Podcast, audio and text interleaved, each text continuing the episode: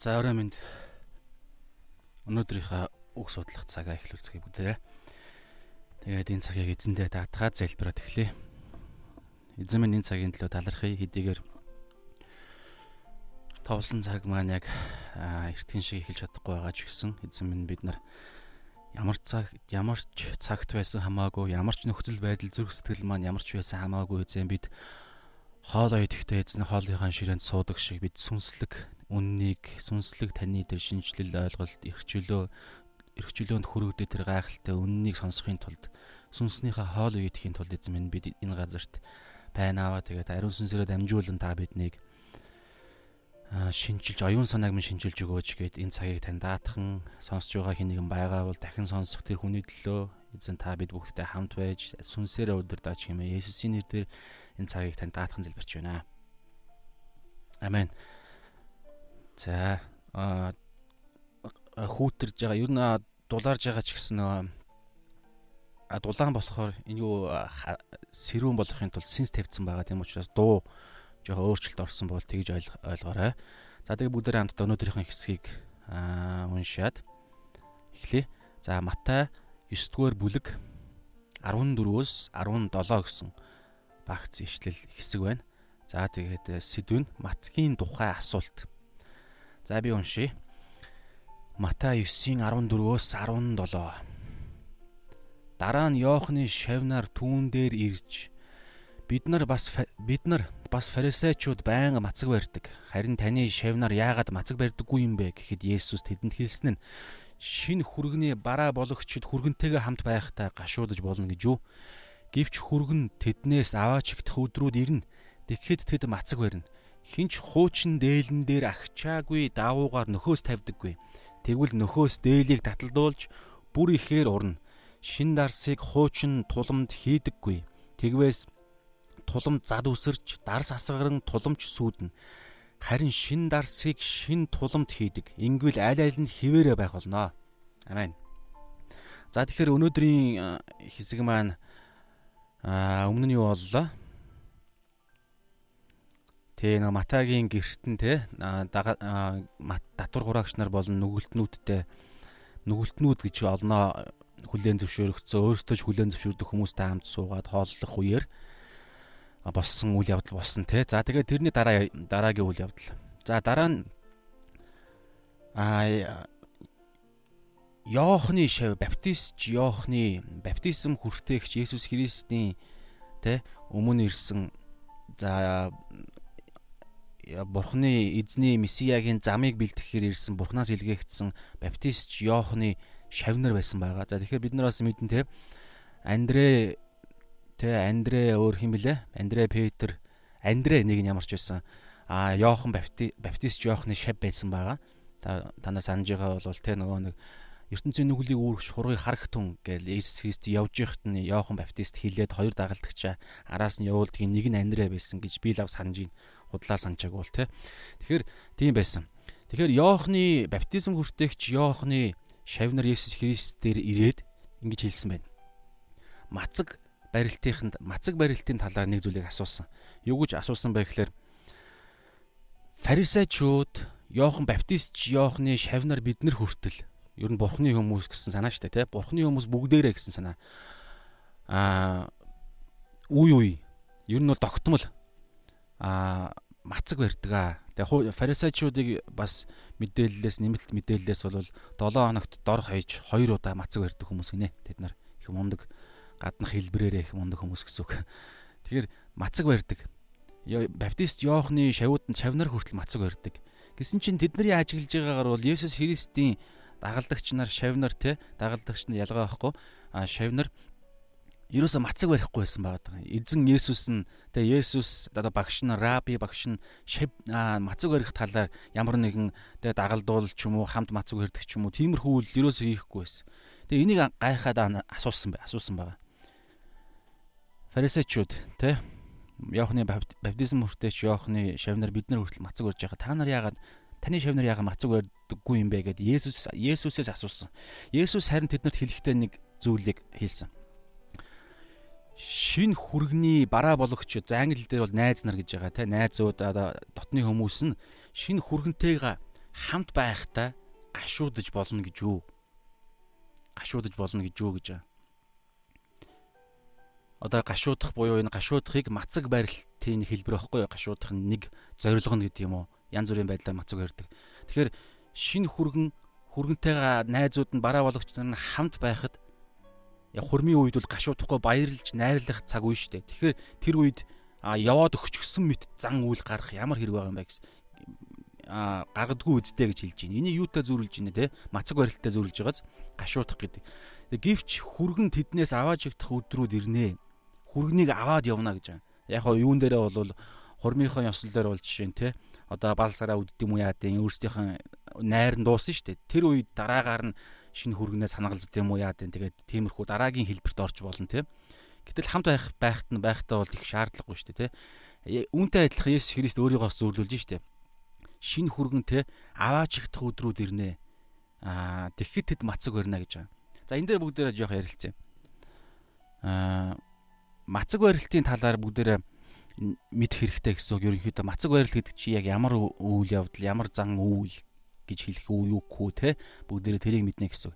Тэрнээс наан бүгдээрээ энэ нэг жоохон ойлгомжтой маягаар би нэг юм ингэж эсгэмчилсэн тэрийг харъя бүгдээрээ. Тэгэхээр энэ Есүс Христийн хэлсэн зүйлээс өмнө аа Йоохны баптизм баптистч Йоохны шавнар хэлж штэ. Йоохны шавнар бид нар гэдэг өөрсдөө хэлж байгаа гэсэн үг. Фарисеучуд бид фарисеучуд болон Йоохны шав бид нар байнга мацаг барьдаг. Яг англи дээр бол үе үе often те ер нь бол ингээд тогтмол гэсэн санаа байнга мацаг барьдаг аа.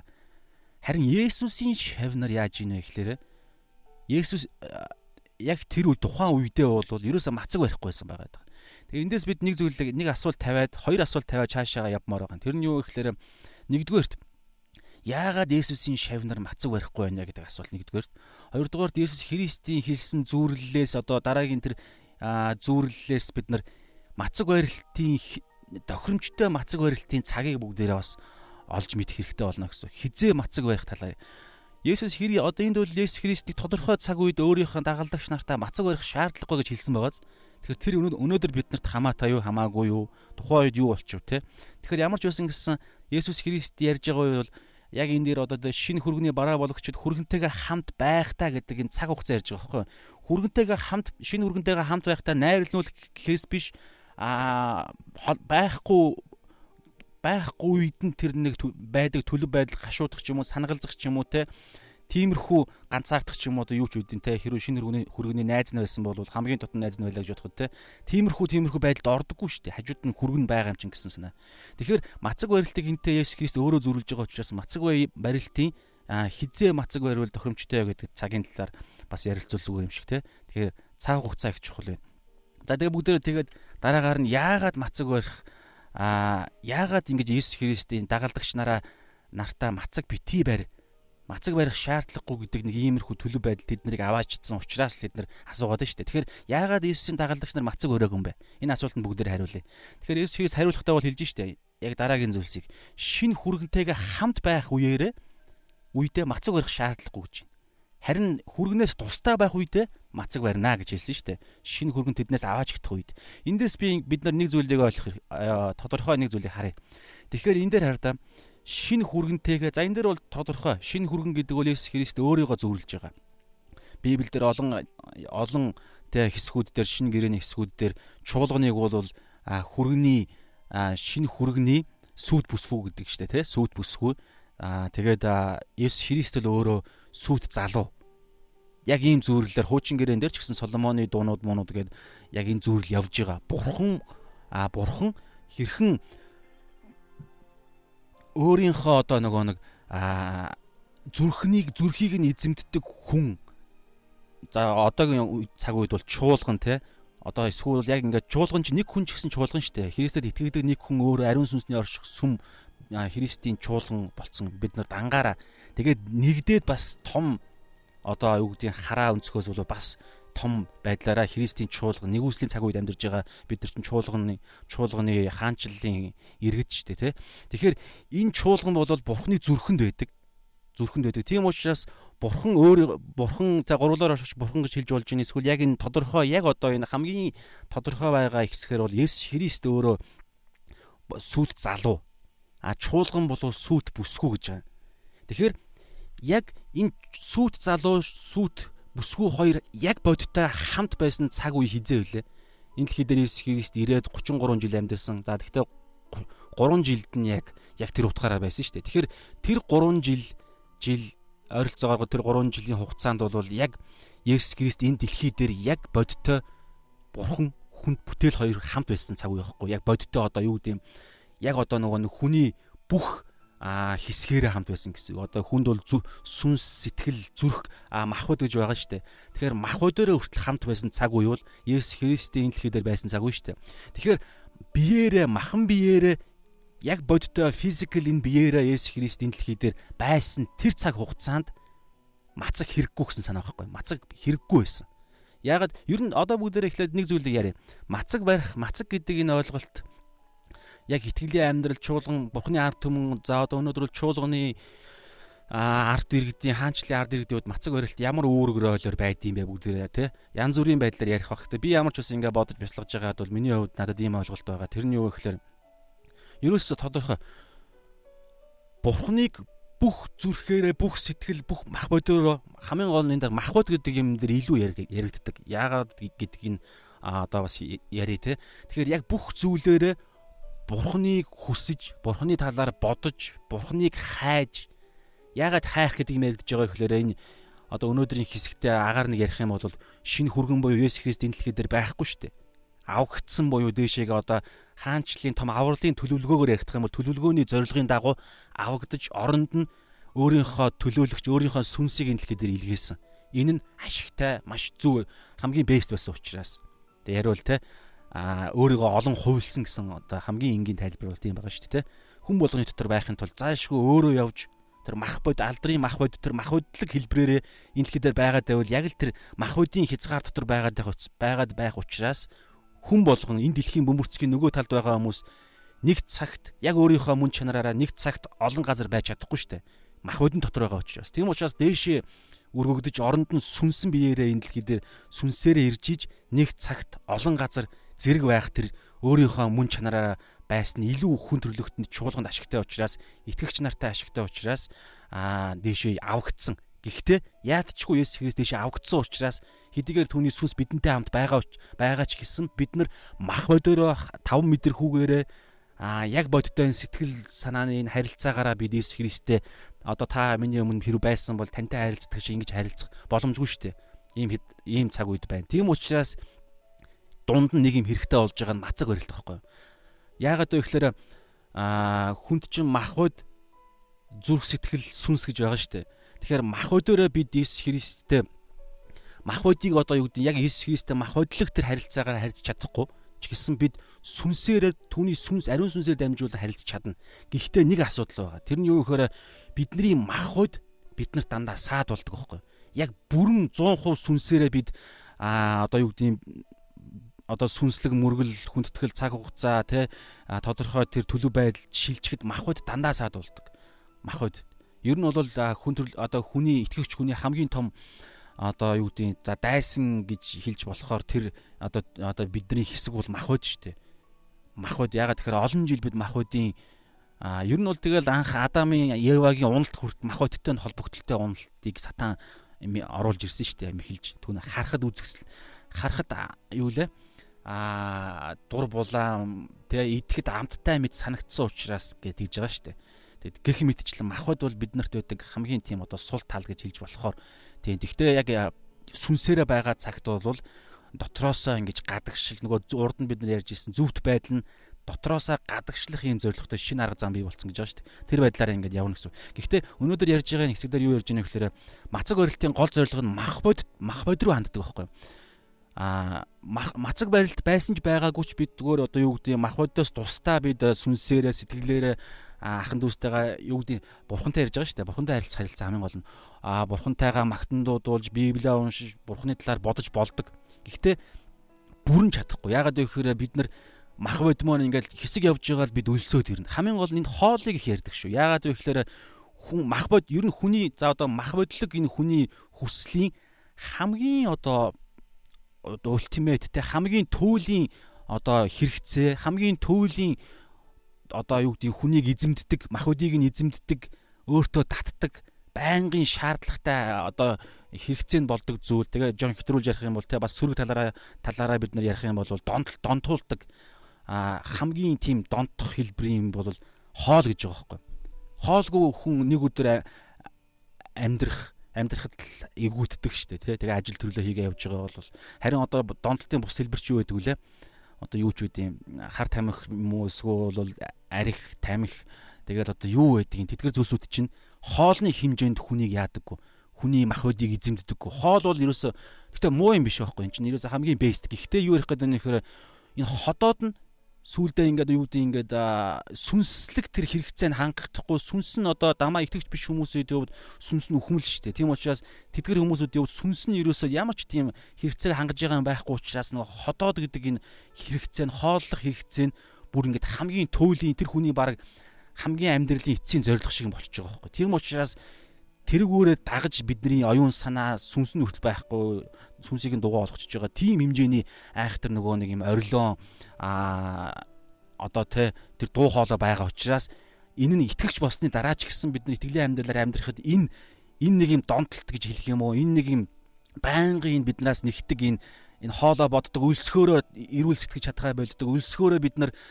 ядраад ирдэг те. Одоо юу гэдэг амар өлсцэн одоо ч гэсэн бид 11 цаг үед ингээл сүнслэг юм яриа сууж ш те. Тэгэхээр хэрүү би өлсцэн ч юм уу те хэрүү би энэ цаг мөчид махан би мах бод маань ядарсан байх юм бол би хоёр видеогийн өмнө яг тэгсэн байхгүй яг ингээд ерөөсө тэмдэглэсэн юм ингээд сатаарад ирж байгаа байхгүй нэг ийм хүн төрлөختөн чинь бид нар чинь ийм сул дорой тэгэхээр ийм байдал байдаг учраас яадаг вэ гэхээр мацаг барилт гэдэг энэ одоо энэ арга зам энэ хэлбэр чинь болохоор яадаг вэ гэхээр тодорхой хугацаанд шүү. Байнгаараа бүх итгэж болсноос хойш бүх насаараа биш шүү дээ.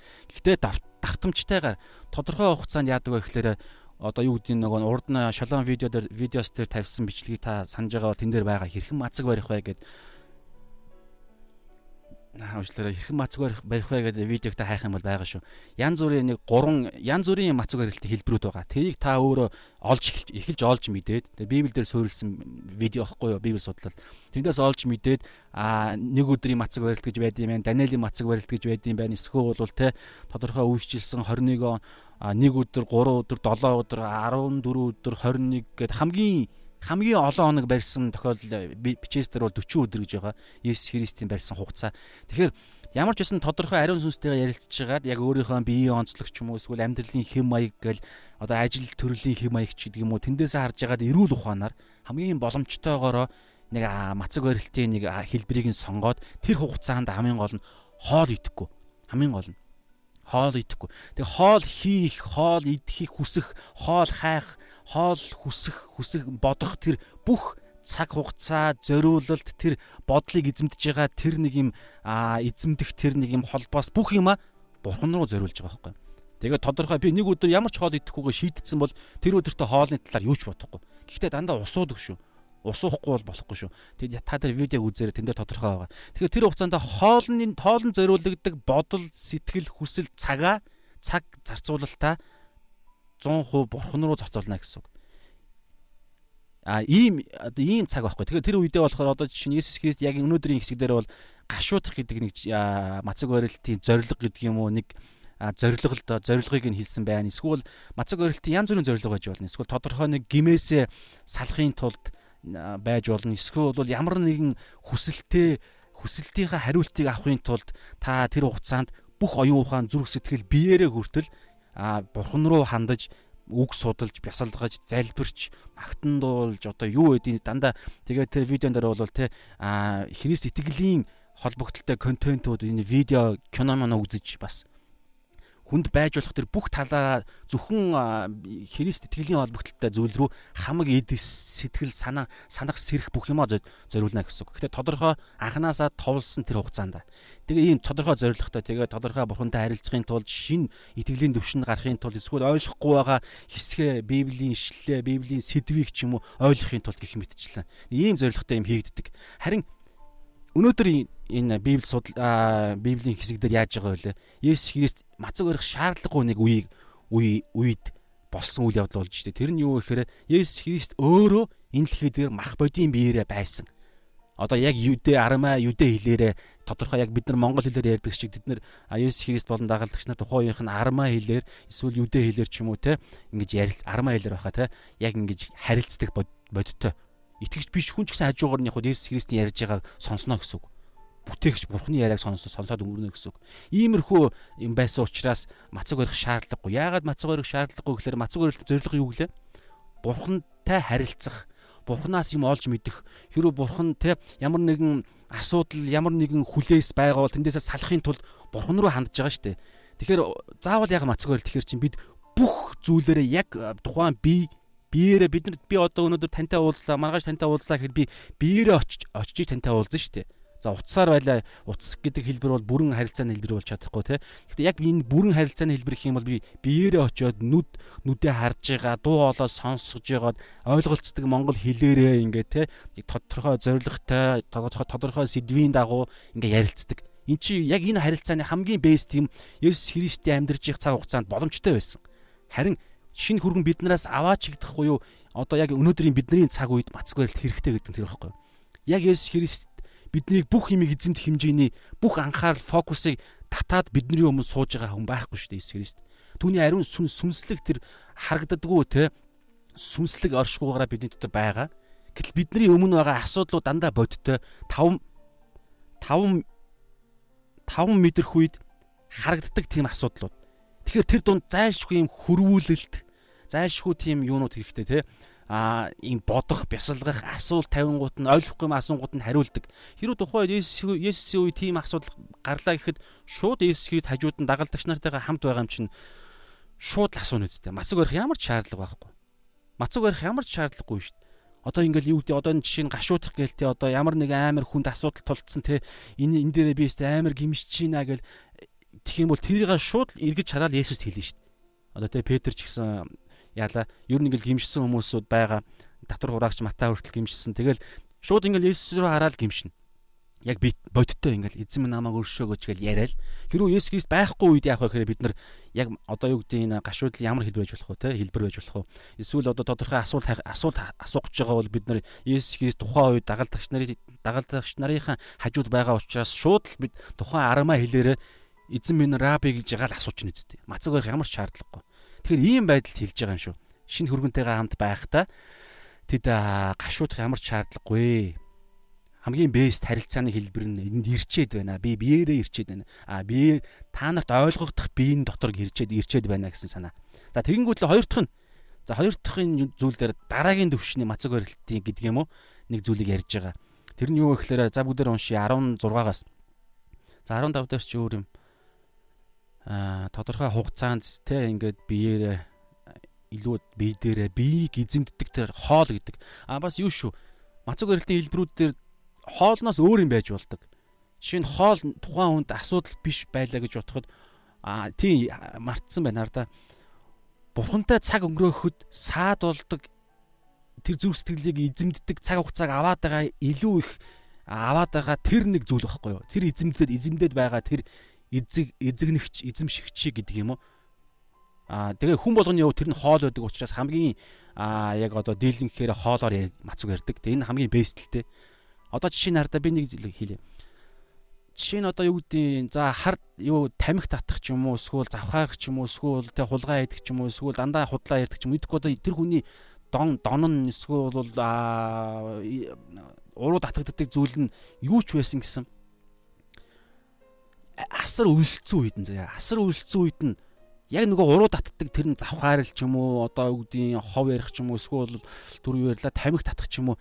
Асар өлсцэн үед нь хамгийн тэр хоолны дараа нь ордог тэр донтуулдаг тэр зүйл хоол хоёрыг нь бариад алийг сонгох вэ гэхээр хүн хоолыг сонгодог байхгүй. Хоолыг сонгоно. Би бол би л тэгж бодоход бодож байгаа бас та нар санал нэг нэгдэх байх гэж бодож байна.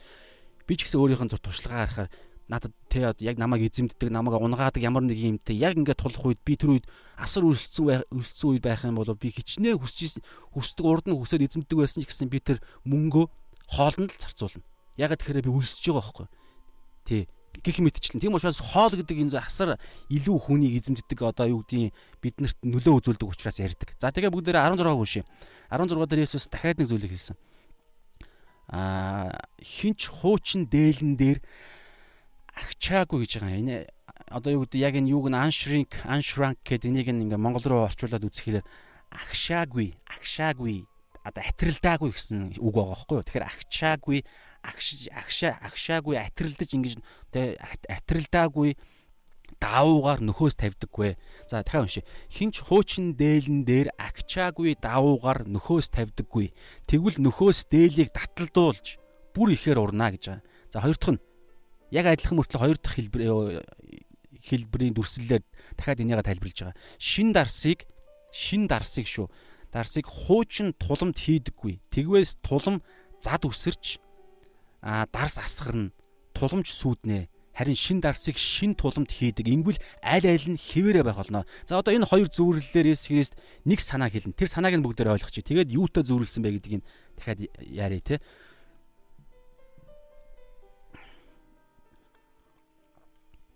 Тэгэхээр эхнийх нь 16 дараа болохоор ингэж наар та. Би ингээд яг бодож байгаа бясалгаж байгаа тийм схем гаргасан. За одоо ингэж наар та шин нөхөөс агшаагүй даавуу гэж байгаа юм шүү. Агшаагүй даавуугаар шин нөхөөс нөхөөс нөхөөсийн зорилгоор шин агшаагүй даавуугаар агчаагүй атрилдаагүй даавуугаар а хуучин дээлний дээлийг хэрв нөхөж оёх юм бол яана гэж байна. Цоорхоо нөгөө нэг цоорхоо нь улам ихээр урагддаг гэж байгаа байхгүй. За энийг би тайлбарлана. Харин шин нөхөөсөөр шин дээлийг оюул цоорхоо улам ихээр цааш нь зараг урагддаггүй. Яг л нөхөө нөхөх нөхөөс хэрэгтэй зорилгоо биелүүлж чаддаг гэж байгаа. За энийг бүгдээрээ юу бол яаж ойлгох вэ гэхээр ер нь бол маш ойлгомжтой боловч одоо бидний амьдралд бол энэ бас мартагдах магадaltaй нэг юм зүйлэл байгаа байхгүй юу гэхээр ингэж байгаа. А одоо жишээ нь ямар нэг юм одоо юу гэдэг нь давуу байлаа гэж бодъё. Одоо ийм эрзээнгүй зүгээр даавуу те тийм даавуу одоо сирочкын цамц ч юм уу тийм сундаггүй зүгээр нэг юм тийм даавуу. Эрзэн чи нэлээд сүүл гарч ирсэн шүү дээ. Тухайн үеийн эзний цаг үед эрзэн мэрзэн гэдэг ойлголт миний болоор байгаагүй. Энэ зүгээр шууд даавуу. Ингээл ингээл нөгөө нэг юм нөхтөх те юу лээ а нэгсэн нэгсэн ч гэдэг юм уу нэг юм зүгээр нэг юм даавуу байгаа шүү дээ. Тэгэхээр сун гэсэн ойлголт байхгүй. Тийм учраас яг тэр байдлаар ярихад тэр даавуу ингээд хуучирж байгаа. Эхлээд анх хийхдээ шинээрээ хийгдэн штэ мэдээж. Шин даваагаар хийгдэн. Тэгээд цаг хугацааны аясаар хуучирна. Тийм учраас хуучирж байгаа учраас одоо өмдний өвдөх ч юм уу, цамцны дохой ч юм уу тодорхой нэг ямар нэг юмнаас болоод цоорж ийн. Ингээд цоороод тэнгуут нь тэр цоорхоогоо нөхөхийн тулд яаж ийм ихлээрэ дахиад нэг даавуу адилхан өнгөний ч юм уу адилхан материалаар нэг даавуу аваад цоорхоогоо нөхөн штэ. Гэхдээ нэг ялгаа байгаа. Өнөө тэрний үхээр тухайн нөхөөс нь болохоор шинээрээ байгаа байхгүй юу? Шинээрээ Тэгээд юу ярьдаг ярьдаг вэ гэхээр хуучин тэр тухайн тэр нөгөө цоорхоо үүссэн тэр хуучин даавуу шүү дээ. Даавуу тэр одоо энэ дээр бол дээл гэж байгаа тий. Тухайн дээл болохоор шинээсээ яг тухайн цоорогт хүртэл хідэн удаа угааж байгаа вэ. Асар олон удаа угаагдсан шүү дээ. 7 хоногт нэг удаа угаадаг ч юм уу хэд ч үедээ ингээд угаал энэ. Угаах болгонд яадаг вэ гэхээр ингэдэг гинэ. Усанд угаахтаа альва ямар ч даав агшдаг. Анх анх хамгийн анх хийгээд өмсгөд нэг хэмжээтэй байсан бол хэртэд угаагаад гаргаж ирэхэд агшдаг. Тийм учраас бид нар ингээд яадаг штэ. Агшаалны гарахын тулд ингээд дата нойтон дээр нь татдаг штэ анхны хэлбэрт нь оруулахын тулд. Тэгээ иймэрхүү давтамжтай асар олон удаагийн угаалтыг ингээд дамж дамны штэ. Тэгээд ирэхээр яадаг вэ гэхээр нөгөө нэг юу чин тухайн шин давуу маань өөрөө нөгөө нэг юм угаагаад угаагдаг ч юм уу ингээд яагаад ирэхээр агшдаг юм нь болохоор агшдаг те агшдаг сундаг тэр нөгөө нэг даав нойтон үед агшдаг сундаг тэр юм нь ингээд байхгүй болдог гинэ. А буурдаг чанар нь буурдаг. Тэгэхээр тийм байдалтай ингээд цоорцсон байгаа гэж ойлгоорой. Тэр үед нь яах вэ гэхээр яг адилхан нөгөө хэдийгээр яг нэг ихээс авсан даав байсан ч гэсэн нөхөд за ингээд яг угаа угаа угаахаас өмнө нойтон биш байхдаа бол асуудалгүй. Ягаад тэгэхээр хоёулаа яг нэгэн хэвд байгаа. Тэгвэл хэртэд угаа штэ. Тэгэнгүүтэл нь яадаг вэ гэхээр нөгөө анхны хуучин даавууч нь агшихаа агшиж сунахаа болцсон чанар нь алдагдсан байгаа штэ. Гэтэл нөгөө нэг энэ нөхөөс нь угаа угаагаад ирэхээр агшчдаг. Тэгээд ирэхээр яах вэ гэхээр нөгөө зүүнийхөө оёс нь хаз зад тавина гэсэн. Тэгээд улам илүү цооруулдаг. Ийм хэлбэр. Тэгэхээр эндээс бид юу байгаа нөхөр хуучин дээлэн дээр шин нөхөөс тохирохгүй байгаа гэсэн санаа хуучин юмн дээр шин юм тохирохгүй байгаа. Сүүрнэ, цоорно гэсэн. А хоёр дахь нь 17 дээр яаж ийнэ гэхээр яг энэ яг энэ зарчим адилхан. Шин дарс, усан үзмийн шин дарсыг одоо шинэ одоо юу гэдэг усан үзмийн шүүсийг дарс болгохын тулд яадаг үлээ ингэж одоо за би нарийн хэллийг мэдэхгүй мэдэхгүй байгаа ч гэсэн ингээд те эсэгдэг штэ эсгээд тэгээд ингээд ийм одоо ийм эссэн тим нэг юм байдлыг нь бий болгохын тулд яадаг вэ гэхээр яг монголчуудад айрхтаж айрхтаа бас төстэй юм билээ а амтны арьсан ийм савд одоо энэ дөр бол тулан гэж байгаа яг монгол нэрээр англиараа бол яг амтны арьсан тийм савн дотор одоо тулман дотор тухайн усан үзмнийхаа шүүсийг хийгээд тэгээ орхичдаг. Тэгээд усан үзмийн шүүс цаг хугацааны IC ирэхээр а ингээд эсээд тэлдэг. Тэгэхээр а нөгөө нэг шинхэн нөгөө юу усан үзмний дарсан ч гэсэн шүүсэн ч гэсэн шин байгаа дөнгөж тавьж байгаа эсэх асар их эсэх шаардлагатай эсэх процесс хүлээгдэж байгаа мөн тулман ч гэсэн яг шин амтны арьс арьс аахгүй. Тэгэхээр яг түрүүний даваатай адилхан агшиж сундаг чанар нь хэвээр байгаа гэсэн. Тийм учраас тэр хоёр нэгтгэхээр а доторх нөгөө нэг усан үзмний шүүс нь эсэж ингэж тэлэхээр шин тулам учраас бас адилхан тэлдэг. Тийм учраас зад үсрэхгүй. Харин яг ийм байдалтай нөгөө тулмаа хэрэглээд байгаа шүү дээ. Хэрэглэж хэрэглэж байгаа сүулдээ энэ бүр хуучраад ирдэг. Агшиж агшиж сундаг чадвар нь чанар нь байхгүй болоод ирлээ гэж бодъё л да. Тэр үед нь мэдхгүй нэг хүн шин дарсыг хийлээ гэж бодъё. Тэгэнгүүт нь дарсч угаасаа зорилгоороо эсээд ингэж тэлэнгүүт л нөгөө нэг хуучин туламчийн өөрөө тэлдэг чанар нь байхгүй хүчингүү өгцөн өхмөл болцсон учраас шууд зад тавиад бууддаг гэж байгаа байхгүй.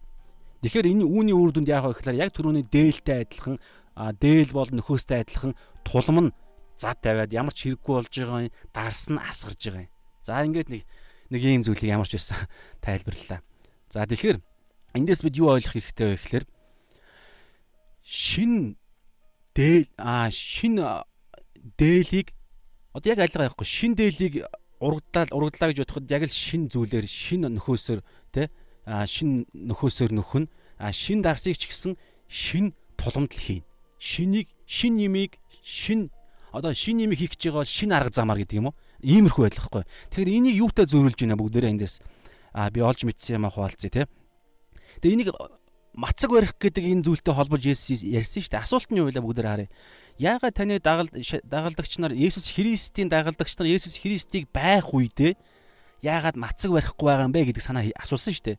Тэгэхээр Есүс Христ юу гэж ярьсан бэ гэхээр яг тэр мацаг барилтын зорилгоо тэр уулзах гэдэг хүн чинь уулзах гээд байгаа хүн чинь хажууд чинь байгаа тохиолдолд яах гэж заавал одоо юу гэдэг нь яг та миний хажууд байлаа гэж бодоход би заавал танд захиа бичих ямар хэрэг байгаа. Заавал утсаар ярих ямар хэрэг байгаа. Заавал нэг хүнийг зуучлах ямар хэрэг байгаа. Ямар нэгэн тийм арга замыг дамжих ямар хэрэг байгаа. Шууд та хажууд байгаа үстэй. Яг энтэй адилхан ийм шаардлагагүй үед яагаад мацаг барьж байгаа юм бэ гэсэн санаа. Энэ маш чухал. Тэгээ энэний дараагаар Иесус яагаад энэ саяны зүйлийг ярьсан бэ? Шин нэг зүйлийг хийхэд шин арга замаар хийгднэ гэсэн санаа.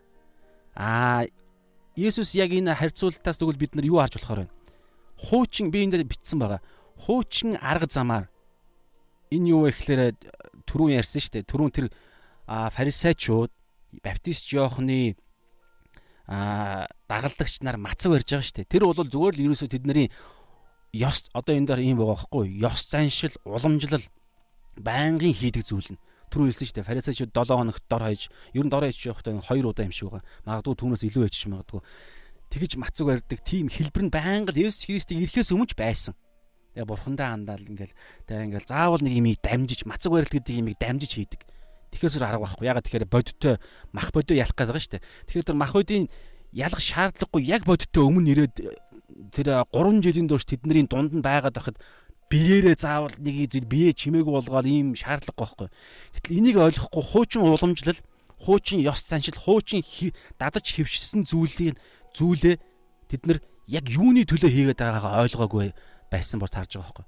Тэгээд чаашлах юм бол мэдээж Есүс Христийг хин гэдэгтэй хин гэдгийг олж мэдсэн хин гэж итгэдэг байсан бэ гэдгээс шалтгаан хамаарна шүү дээ. Гэхдээ энэ дээр бол Йоохны дагалдагч нар гэж байгаа. Тэгэхээр Йоохны дагалдагч нар дагалдагч нарын тухайд ярих юм бол Йохан юу гэж хэллээ? Дагалдагч нартай хэлсэн шүү дээ. Энэ бол ертөнцийн нүглийг өргөж бурхны хургийг харагтун.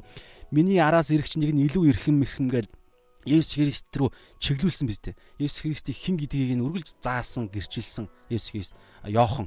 Тэгэхээр Йохны хувьд Йохны дагалдагч нарын хувьд бүр илүү энэ зүйлийг зайлшгүй ойлгох хэрэгтэй байсан байгаа байхгүй. За фарисеучудад хамаа алга бүр эднийг баг яриач ойлгохгүй. Тийм учраас яг энэ зүйл дээр фарисеучудад хандаж хэлээгүй. Йоохны дагалдагч нарт юу хэлэх гээд өнөхөр ойлгох магадaltaй хамгийн өөрийнх нь өөрийн талынх нь хүмүүс ихгүй.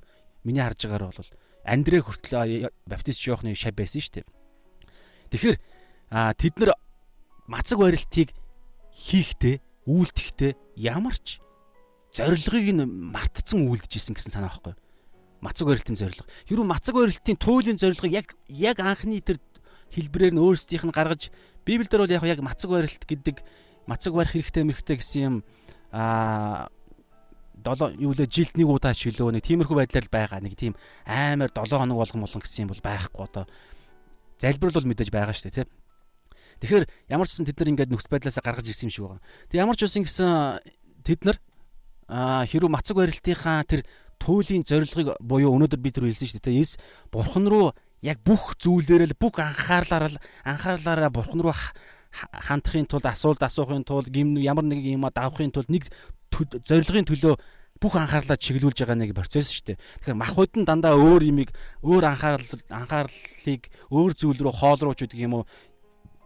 Өнөөгийн нэг юмд бол кино моно одоо юу гэдэг юм юу тэ утас мутас гэдэг юу байдгийг тиймэрхүү зүйл байдаг учраас тухайн зүйлийг болоод тодорхой хугацаанд бүх анхаарлаараа бурхан руу хандна гэсэн санаа. Гэтэл Йоохны дагалдагч нар энэ зорилгыг хэрүү мэдчихсэн бол бүх анхаарлаараа бурхан руу хандуулах гэдэг тэр бурхан нь энд ирдсэн учраас өнөөдөр маш сонирхолтой хүн анхаарлаа нэг л юмд тавьдаг үстэй. Асар сонирхолтой хоёр юм зэрэг явж исэн ч гэсэн аль нэгийг л анхаарлаа анхаарлаа нэг юм дээр л төвлөрүүлж чадсан шүү дээ. Тэгэхээр ийм байдлаараа Есүс Христ яг өмнө 3 жилийн турш байсан учраас тэр хугацаанд бүх анхаарлыг Есүс Христ өөрөө гайхамшиг үхсдгийг амьлуулсан усан дээр алхсан тэ уян өвчнийг эдгээс нь 5-7 2 загсаар 5000 хүнийг 100000 хэд ч хэдий 100000 гарan хүнийг 5-7 2 загсаар хоолсон ийм юр бусын юм нийгэмд нь тэгээ ямар кино моно зургт мургт дээр интернет гэж байх юм биш энэ зүйл чинь нийгэм дээр ингээ бөөн дүүлэн болж байгаа шүү дээ. Тэгэхээр тийм үед хамаг анхаарлыг татж байгаа шүү дээ. Тэгэхээр ийм үед хажууд нь бат бүр ингээд анхаарлаа тэрийг бүр давж бурхан руу хайрцахын тулд анхаарлыг аа өөр ингэж анхаарал анхаарлыг нь авж байгаа юм байхгүй учраас мах бодны хүртэл юу гэдэг Есүс Христтэй харилцахад нь анхаарлыг авах гэж байхгүй байхгүй.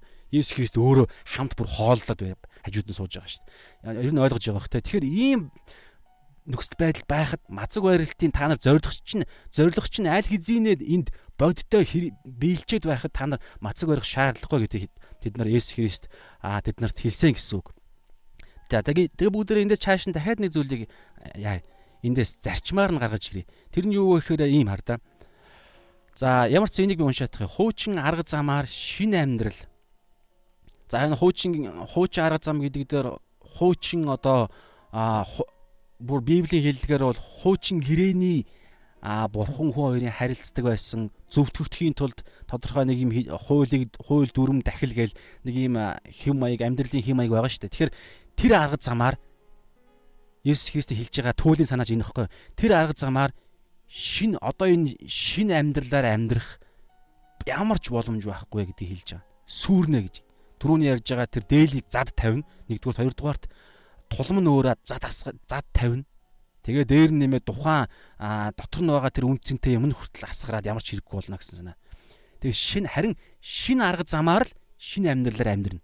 Юм бол тухайн амьдралынх нь арга тэр үйлдэгдэж байгаа арга хэлбэр нь ч үлдэн шинэ амьдрал нь өөрөө ч гэсэн яг зорилгоороо амьдрна гэсэн үг. Эндээс бүгд дээр нэг зүйлийг харъя. Ирмэ 31-ийн 31-ээс 32 дээр хараа хуучин гэрээнд бурхны хуучин гэрээнд байгаа хүмүүсүүдэд бурхан шин гэрээгээ аа иш үзүүлэлгээр хийлсэн ишлэх байхгүй юу? За би уншия. Эзэн тунхаглаж байна. Харагтун Израилийн гэр ба Юдагийн гертэ би шин гэрээ байгуулах өдрүүд ирж байна Утгагүй одоо ингээд айсуу ирж байна гэсэн үг. Би тэднийг Египт нутгаас гаргахын тулд эцэг өвгдийнх нь гараас хөтлсөн тэр өдөр Мосегийн үед хууль өгсөн шүү дээ, тэ. Тэгэхээр би тэднийг Египт нутгаас гаргахын тулд эцэг өвгдийнх нь гараас хөтлсөн тэр өдөр тэдэнтэй байгуулсан гэрээ буюу хэдийгээр би тэдний хань нөхөр натал тэдний зөрчсөн гэрээтэй минь энэ шин гэрээ нь адилгүй гэрээ юм а гэж хэлж байгаа байхгүй. Хэдийгээр хуучин гэрээний дээр хууль одоо энэ дэр ингэж штэ а би тэднийг Египт нутгаас гаргахын тулд эцэг өвгдийнх нь гараас хөтлсөн тэр өдөр тэдэнтэй байгуулсан гэрээ за буюу гэд хэдийгээр тухайн би тэдний хань нөхөр натал энэ дээр хардаа сүү залуу гэж ярьж штэ агаар нэг хань нөхөр натал тэдний зөрчсөн гэрээтэй хань нөхөр нь байтал одоо сүү залуу эсвэл ихнэр нь гэдэг юм уу те а тэг яг гэрлэлтийн харилцаа ахгүй юм чи баг нэг талаараа мөнхийн улсын тэр гайхалтай төгс харилцааны чинь сүүдэр нь ир имийн гэрлэлт гэж бас ойлголт байгаа шүү дээ. Тэгэхээр тийм одоо гэрлэлтийн гэрээгээ зөрчсөнтэй адилхан тийм зөрчсөн зөрчиж болдог тийм гэрээ бишээ гэж хэлж байгаа байхгүй. Хуучин гэрээ нь ийм одоо сул дорой гэрээ байсан. Харин удахгүй ирж байгаа энэ шин гэрээ бол ийм гэрээ биш. Хуучин арга замаар хийж болдог гэрээ биш. Хуучин арга замаар амьдраад байж амьдраад байж болдог шин амьдрал биш гэдгийг хэлж байгаа. Тийм учраас энэ шин амьдралаар энэ шин гэрээн дотор амьдрахын тулд нөгөө нэг юм үйлсээр үйлсээ чухалчдаг ямар нэгэн алдаа гаргахаараа те алдаа гаргахаар тэр нэг гэрээ нь шууд зөрчигддөг тийм амьдрал биш гэдгийг хэлж байгаа байхгүй. Хуучин гэрээний дүрмээр шин гэрээн дотор алхах ямар ч боломж байхгүй. Өнөөдөр бид нар бас энтэй бид нар бид нар явж чухал. Сатан үргэлж дүрээ хувилгаж эсвэл бол а худал хуурмгийг нэг өөр нэг зарчимд шал өөр зоригтой хэлэгдсэн үннээр дээр нь бүрхүүлж бид нарыг хуурч мэхэлж холион холин хутгах үзэлт синхродизмд оруулдаг чуулган дотор бол а чуулганы гадаа бол их шаардлагагүй угаасаа бурхангүй хүмүүс шүү дээ харин чуулган дотор нь сатан улам нарийн байдлаар тийм ч учраас Христ итгэлийн а одоо итгэлийн амьдрал итгэлийн тэр за одоо урсгал гэдэг юм уу Христ итгэлийн тэр За шашин гэдэг хэлэхээр нийлчихэ. Яг нь Христ сэтгэлийн тэр амьдрал за амьдралаас нь дандаа гаж урсгалууд гарах, илүү аюултай гаж урсгалууд гардаг тэр ихгүй. Сатан дандаа дунд нь холин хутгах үзлэр өөр нэг юм худал хуурмыг гаргаж ирдэг. Тэр тунд одоо жишээ нь юм байж болно шүү дээ. Өнөөдөр шин гэрээний үед амьдарж байгаа үнгүүгээр ямар ч үйлсгүйгээр ямар ч бид юу ямар ч юм хийгээгүй байхад үнгүү бэлэг болгон өгцсөн авралыг авсан аа тэгээ тийм авралыг авсан хүмүүсүүдийн энэ чуулган дунд яадаг вэ гэхээр хуучин арга замаар аа амьдрах гэж оролдох эсвэл хуучин арга замаар амьдрахыг нь амьдрахыг заадаг номлол номлогч нар эсвэл өөр тийм зүйлсүүд өнөөгийн чуулганд гарах магадлал асар өндөр байхгүй. Яг тэгэхээр сатан дандаа ингэж л хуурна. Хэрвээ сатан одоо би хоёр сатан яг өөрийнхөө одоо ямар дүр төрх байдгийг тэр аимшигтай муухай дүр төрхөөрөө гарч ирээд аа бурхан чамд хайр өгөө гэж хэлэх юм бол хинч сатан гэдгийг шууд мэдэх учраас нөгөө балиар те нөгөө ивэр мивэртэй нүд бүд нь улаанаар эргэлцсэн хилмэл нь могооны хилмэл нь гарч ирээл одоо ямар дүрх байдیں тэр дүрхөөр гарч ирээд бурхан чамд хайргүй чамд аврал өгөөгүй чи ингээд үүс сайн үүс хийхгүй бол үүс үүс одоо юу гэдэг гим нүгэл ерөөсөө үйлдэхгүй байвал чиний аврал чинь хിവэрэ байна уу гэхээс биш чи дахиад гим нүгэл үлдэх юм бол чи бурхны хайртай хүүхэд байгаа болин молныг хэлэх юм бол тэгээ үгийн бүр ярихаас нь ч өмнө шууд зайл сатанаа гэж хөгөө явуулна үсттэй. Гэтэл сатан тэрийг тэгж бид нарыг хуур бид нар руу давших дайрахгүйгаа мэдж байгаа байхгүй. Асар мэрэгэн ухаан мэдлэгийн их үүсвэр штэ. Бузар муу мэдлэгийн сайн мэд сайн зүйлсийг хүртэл мэддэг байхгүй. Өөр анх тэгж бүтээгдсэн штэ. Тийм учраас тэнд яаж юм найруулахаа мэдж байгаа. Тэгэхээр юу хэлэх гээд байна вэ гэхээр өнөө өнөөгийн чуулганы энэ үед Христ итгэлийн одоо юу Есүс Христийн тэр гайхалтай ялалтаар бид үнгүү аврагдсанаа мэдж байгаа итгэлийн хүмүүсүүд бидний хувьд сатааны хамгийн аимшигтай дайсан бид нар байхгүй угаасаа. Тийм учраас аимшигт хамгийн том дайсан дайсныгаа дайсныгаа ямар нэгэн байдлаар сатан дайрах гэж оролдоно үсттэй. Тулаан болж байгаа шүү дээ. Нөгөө нэг урд нь бид нар үтсэн те а хоёр чөтгөр шүглсэн түмэн гээд лигон гээд хүн чөтгөр шүглсэн хүнийг Есүс Христ чөтгөрийн зайлуулахад нөгөө чөтгөрүүд юу гэж хэллээ? Цагаас минь өмнө биднийг дарчлахаар дарчлахаар та ирээё гэж хэлдэг штэ. Тэгэхээр тодорхой цаг гэж байгаа. Тэр цаг нь болоогүй байгаа. Есүс Христийн хоёр дахь ирэлт шүүхийн тулд ирэх, хаанчлахын тулд ирэх тэр цаг болоогүй. Гэхдээ дөхөж байгаа. Гэхдээ яг одоо яг энэ цаг мөчид болоогүй байгаа зү.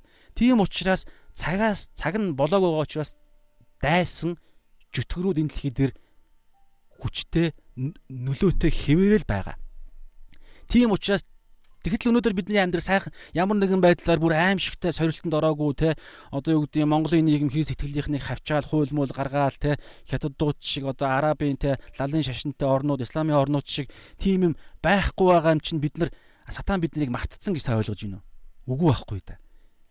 Харин бүр хэцүү байдалтай байгаа. Асар олж илрүүлэхэд хэцүү тийм чоны айрс нөмөрсөн хоньны айрс нөмөрсөн чоннууд та нарын тунд гарч ирнэ гэдэг матадаар хэлсэнчлэн яг тийм байдалтай өнөөдөр сатан ажиллаа хийгээ явж байгаа. Тийм учраас асар үр дүнтэй байгаа гэж харагдаж байна. Надад л чуулга өнөөдөр ямар байна те Христ итгэлийнхээ өнөөдөр ямар байна. Нөгөө хайр нь юу болж байна.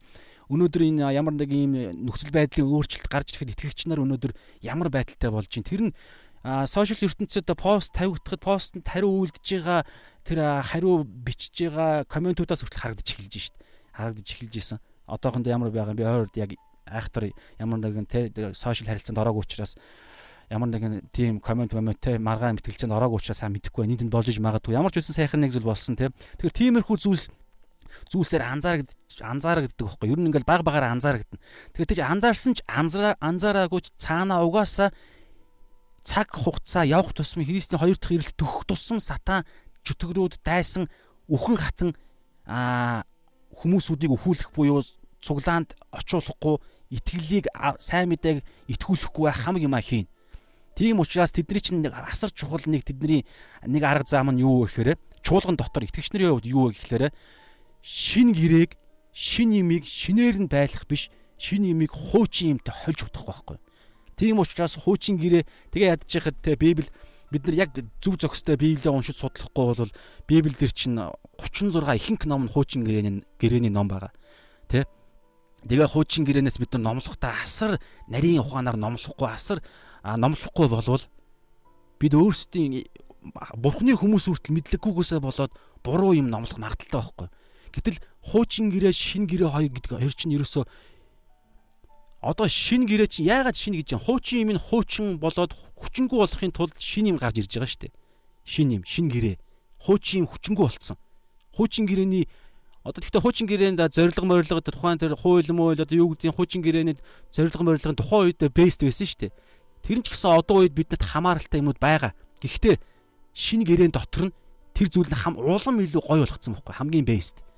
Тэгээ хэрвээ бид нар хуучин гэрээнээс чинь номлох ч байгаа бол хуучин гэрээний үйлдэгддэг ямар нэгэн зүйлийг ярих ч байгаа бол дандаа шин гэрээний халахвчин дор шин гэрээний шин гэрээний сүүдэр болгож яг жинхэнэ бийжилт нь одоо жишээ нь яг энэ аяг бол яг ийм өнгөтэй аяг гэдэг нь шин гэрээ буюу нэгүсэл Есүс Христ үнгүй аврал а итгэлээрээ аврагддаг аврал маврал авралтай гэхдээ итгэл дотор нь өөрт нь үүс гарах дуудлага байгаа шүү. Тийм тавилан байгаа. Тэгэхээр итгэлээрээ үнгүй аврагддаг энэ аврал чинь өөрөө бидний номлолын бүтэнсээ өдөр болгоны номлол библи судал болгон харилцаа болгон ямар нэг амнаас гарч байгаа яриа амьдралын хэм маяг бүх зүйл чинь шин гэрээний гэрээ чи хамгийн бест байна. Харин сүүдэр нь сүүдэр нь зүгээр хуучин гэрээг бид сүүдэр нь болгож шин гэрээгээ илүү гоё өргөхийн тулд илүү гоё өөр өөрөөр талаас нь шинэ гэрээг улам илүү хүчтэй болгохын тулд бид хуучин гэрээг инээс номлоно гэхээс биш. Хуучин арга замыг заримдаа нэмэлтээр дурдна гэхээс биш хуучин гэрээний тэр амьдралыг тэр зүйлийг бид илүү чухалчлаад ирэх юм бол яах вэ гэхээр шин зүйл чинь өөрөө сүүтэн. Одоо энэ дарс шин дарс чинь өөрөө хасгарна гэсэн үг. Тэгэхээр хуучин гэрээний зорилго чинь энэ биш учраас хуучин гэрээний зорилго гэж юу юм? Шин гэрээг л тодтохын тулд байхгүй юу? Нэгүслийг л ямар агуу ямар их чухал хэрэгтэй юм бэ гэдгийг тодод чухалчлахын тулд хууль гэдэг зүйл чинь байс байгаа. Библи дээр ч гэсэн байгаа. Хүмүүний хүмүүсүүдийг гин нүгэлтэй гэдгийг ойлгуулахын тулд а ямар ч хүчгүй сул дорой зөвхт биш гэдгийг нь хүн өөрийн хүчээр зөвхт нэг ч сайн үйл хийх чадваргүй гэдгийг нь ойлгуулахын тулд хууль өгч хууль ирсэн. Ирсэн. Тэгээд тэгэхэр ч наралда чадахгүй гэдгийг нь ойлгууллаа. За тэгэхээр чадахгүй юм чи одоо би яах юм бэ гэхээр нөгөө мата 5-3 сүнсэндээ яд болох байхгүй. Тийм ээ би үнэхээр чадахгүй юм байна. Би стенэрэ ямар муухай дорой бузар муу гимтэн бэ? Би стенэрэ бурхны алдарт хүрэх ямар ч боломжгүй гимтэн гэдгээ ойлгох үед нэгүсэл орж ийн гэсэн тэр үед нэгүсэл үнэхээр амттай.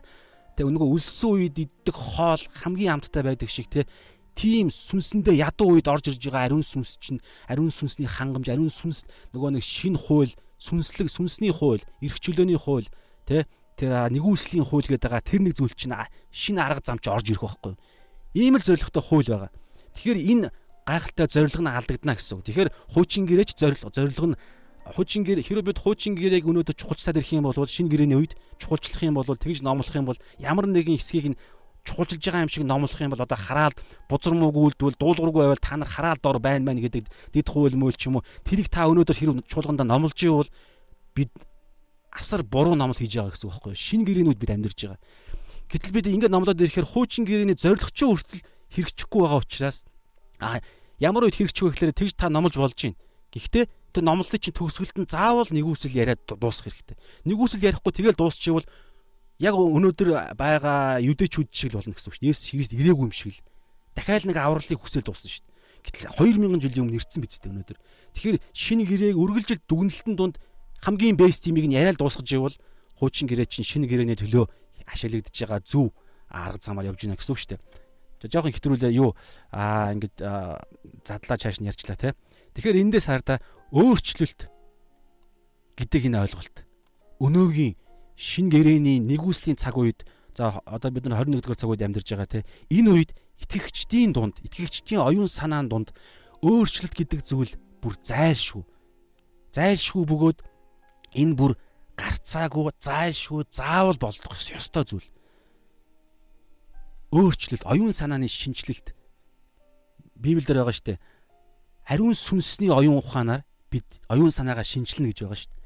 Паулын загтлууд дээр ариун сүнс чинь өөрөө цоо шин оюун ухааны а тогтолцоо байхгүй юу. Тэгэхээр бид тэрийг хаанаас олж мэдэх вэ? Эхэлж эхэлж заавал хүн мэдэн штэ. Тэгж тэрийг ойлгоно. Тэг ойлгосон бол дараагаар нь амьдралдаа хэрэгжүүлнэ. Тэг хэрэгжүүлэх явцдаа хүн шинэ үннийг ойлгож ухаарна. Тэгээ тэр нь биднийг чөлөөлнө гэж байгаа штэ. Үнэн биднийг чөлөөлнө.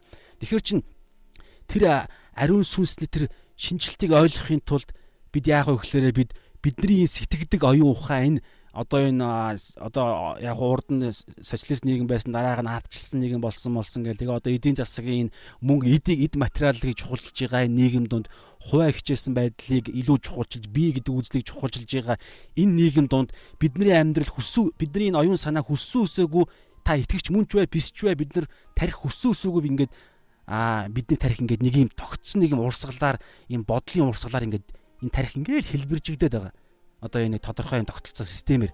Тэгэхээр энэ одоо энэ хуучин оюун ухаан, оюун ухааны энэ хэм маяга одоо энэ шин гэрээний оюун ариун сүнсний оюун ухаан буюу Есүс Христийн оюун ухаан шин гэрээний энэ үннүүдийг Библиэ уншиж, судалж, бясалгаж, хоорондоо ярилцаж, нөхөрлөж, асуулж, тэ мэтгэлцгүүдээ мэтгэлцэж тэг ингээд ийм юм дунд чинь гэхдээ дандаа зориг нь бид оюун санаагаа шинжлэхийн тулд бие биенийгаа дээр гарахын тулд ш энэ ямар мондөг хүн бай юм бэ гэх тэр хүн ерөөсө хамаа байхгүй хин ямар хүн мэддэг байх нь хамаа байхгүй тэр хэлэгдэж байгаа үг нь өнөөдөр яг ариун сүнсний оюун санааг илчилж ивэл бид хэн хэлсэн ч хамаагүй аваад оюун ухаанаа шинжлэх хэрэгтэй. Тэгэхээр яг энэ оюун ухаан донд юу болдог гэхээр дандаа хуучин бидний тогтсон энэ одоо энэ хөвшмөл энэ уламжлал гэдэг ойлголт хардаа асар аюултай ойлголт шүү.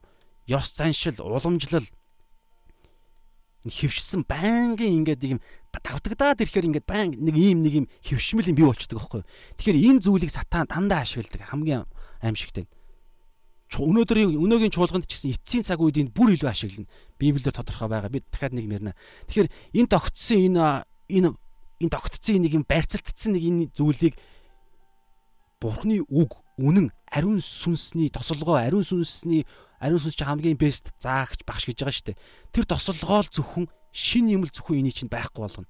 Тэгэхээр энэ шин юм бид ойлгож ухаарч судалж шин тодорхой сэдвээр завхаарал мөнгө амьдралын зорилго а одоо юу гэдэг юм мах бодё өөрөө захирах уур хилэм болоо ямар зорил сэдв таныг зоож ин тэр зүйлээ бид хуучин юмараа ингэх юм бол хуу тэр өдгөө библийн дагуу хийхдээ хүртэл хуучин гэрээний арга замаар хийвэл бүтэхгүй гэсэн үг ямар ч боломжгүй ягаад тэгэхээр шин гэрээнд бид амьдарч байгаа авралаа үнгүүгээр авсан шин гэрээний юм. Тэгэхээр бид тэр ариун сүнсний оюун санаа буюу тэр шин гэрээндх тэр тухайн сэдвийн талаарх үннүүдийг бид үннүүдийг бид судалж, хайж, илүү хүмүүсүүдээс асууж, тэг ингэж хайж, догшиж, ирж хайж, хайжж бид олж мэднэ. Тэг тэрний дагуу эхлээ мэдчин. Тэрнийхээ дагуу мэдхтэй бас боо юм болно шүү дээ. Чи ойлгохын тулд хуучин бодлоо ингээд заавалшгүй бид үннээрээ мэдэх хэрэгтэй. Тэгээд ингээд тэрийг амьдралдаа хэрэгжүүлэх гэж оролдоно ингээд эн чинь нөгөө нэг энэ оюун санаа хуучин юм шинжлэгдэж байгаа процесс аахгүй.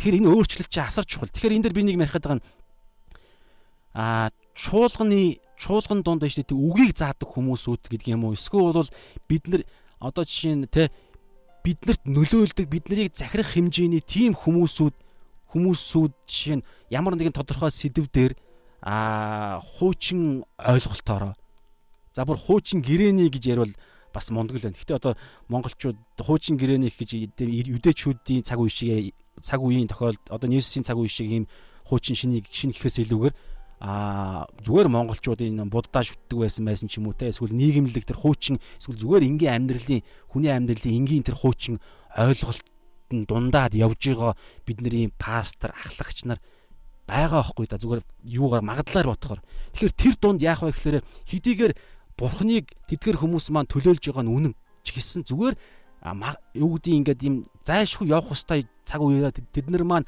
өмнөх үе бай одоо юу гэдгийг а байсан. Бид нар одоо юу гэдэг тэднэрийнхаа нуруунд дээр гიშгээ дараагийн үе рүү яалчгүй нэг үе дараагийн үеэс ахих ахих шаардлагатай болж байгаа юм. Ягаад тэгэхээр нийгэм дэлхийн ертөнд цаг хугацаа угаасаа өөрчлөгдөж байгаа. Тэгэхээр өөрчлөлтөн дунд нь яг тухайн үеийнх нь хүмүүс л тухайн үеийг хамгийн сайн мэдэрнэ шүү дээ. Бас тухайн үеийнхаа хүмүүсийг хамгийн сайн ойлголцсон.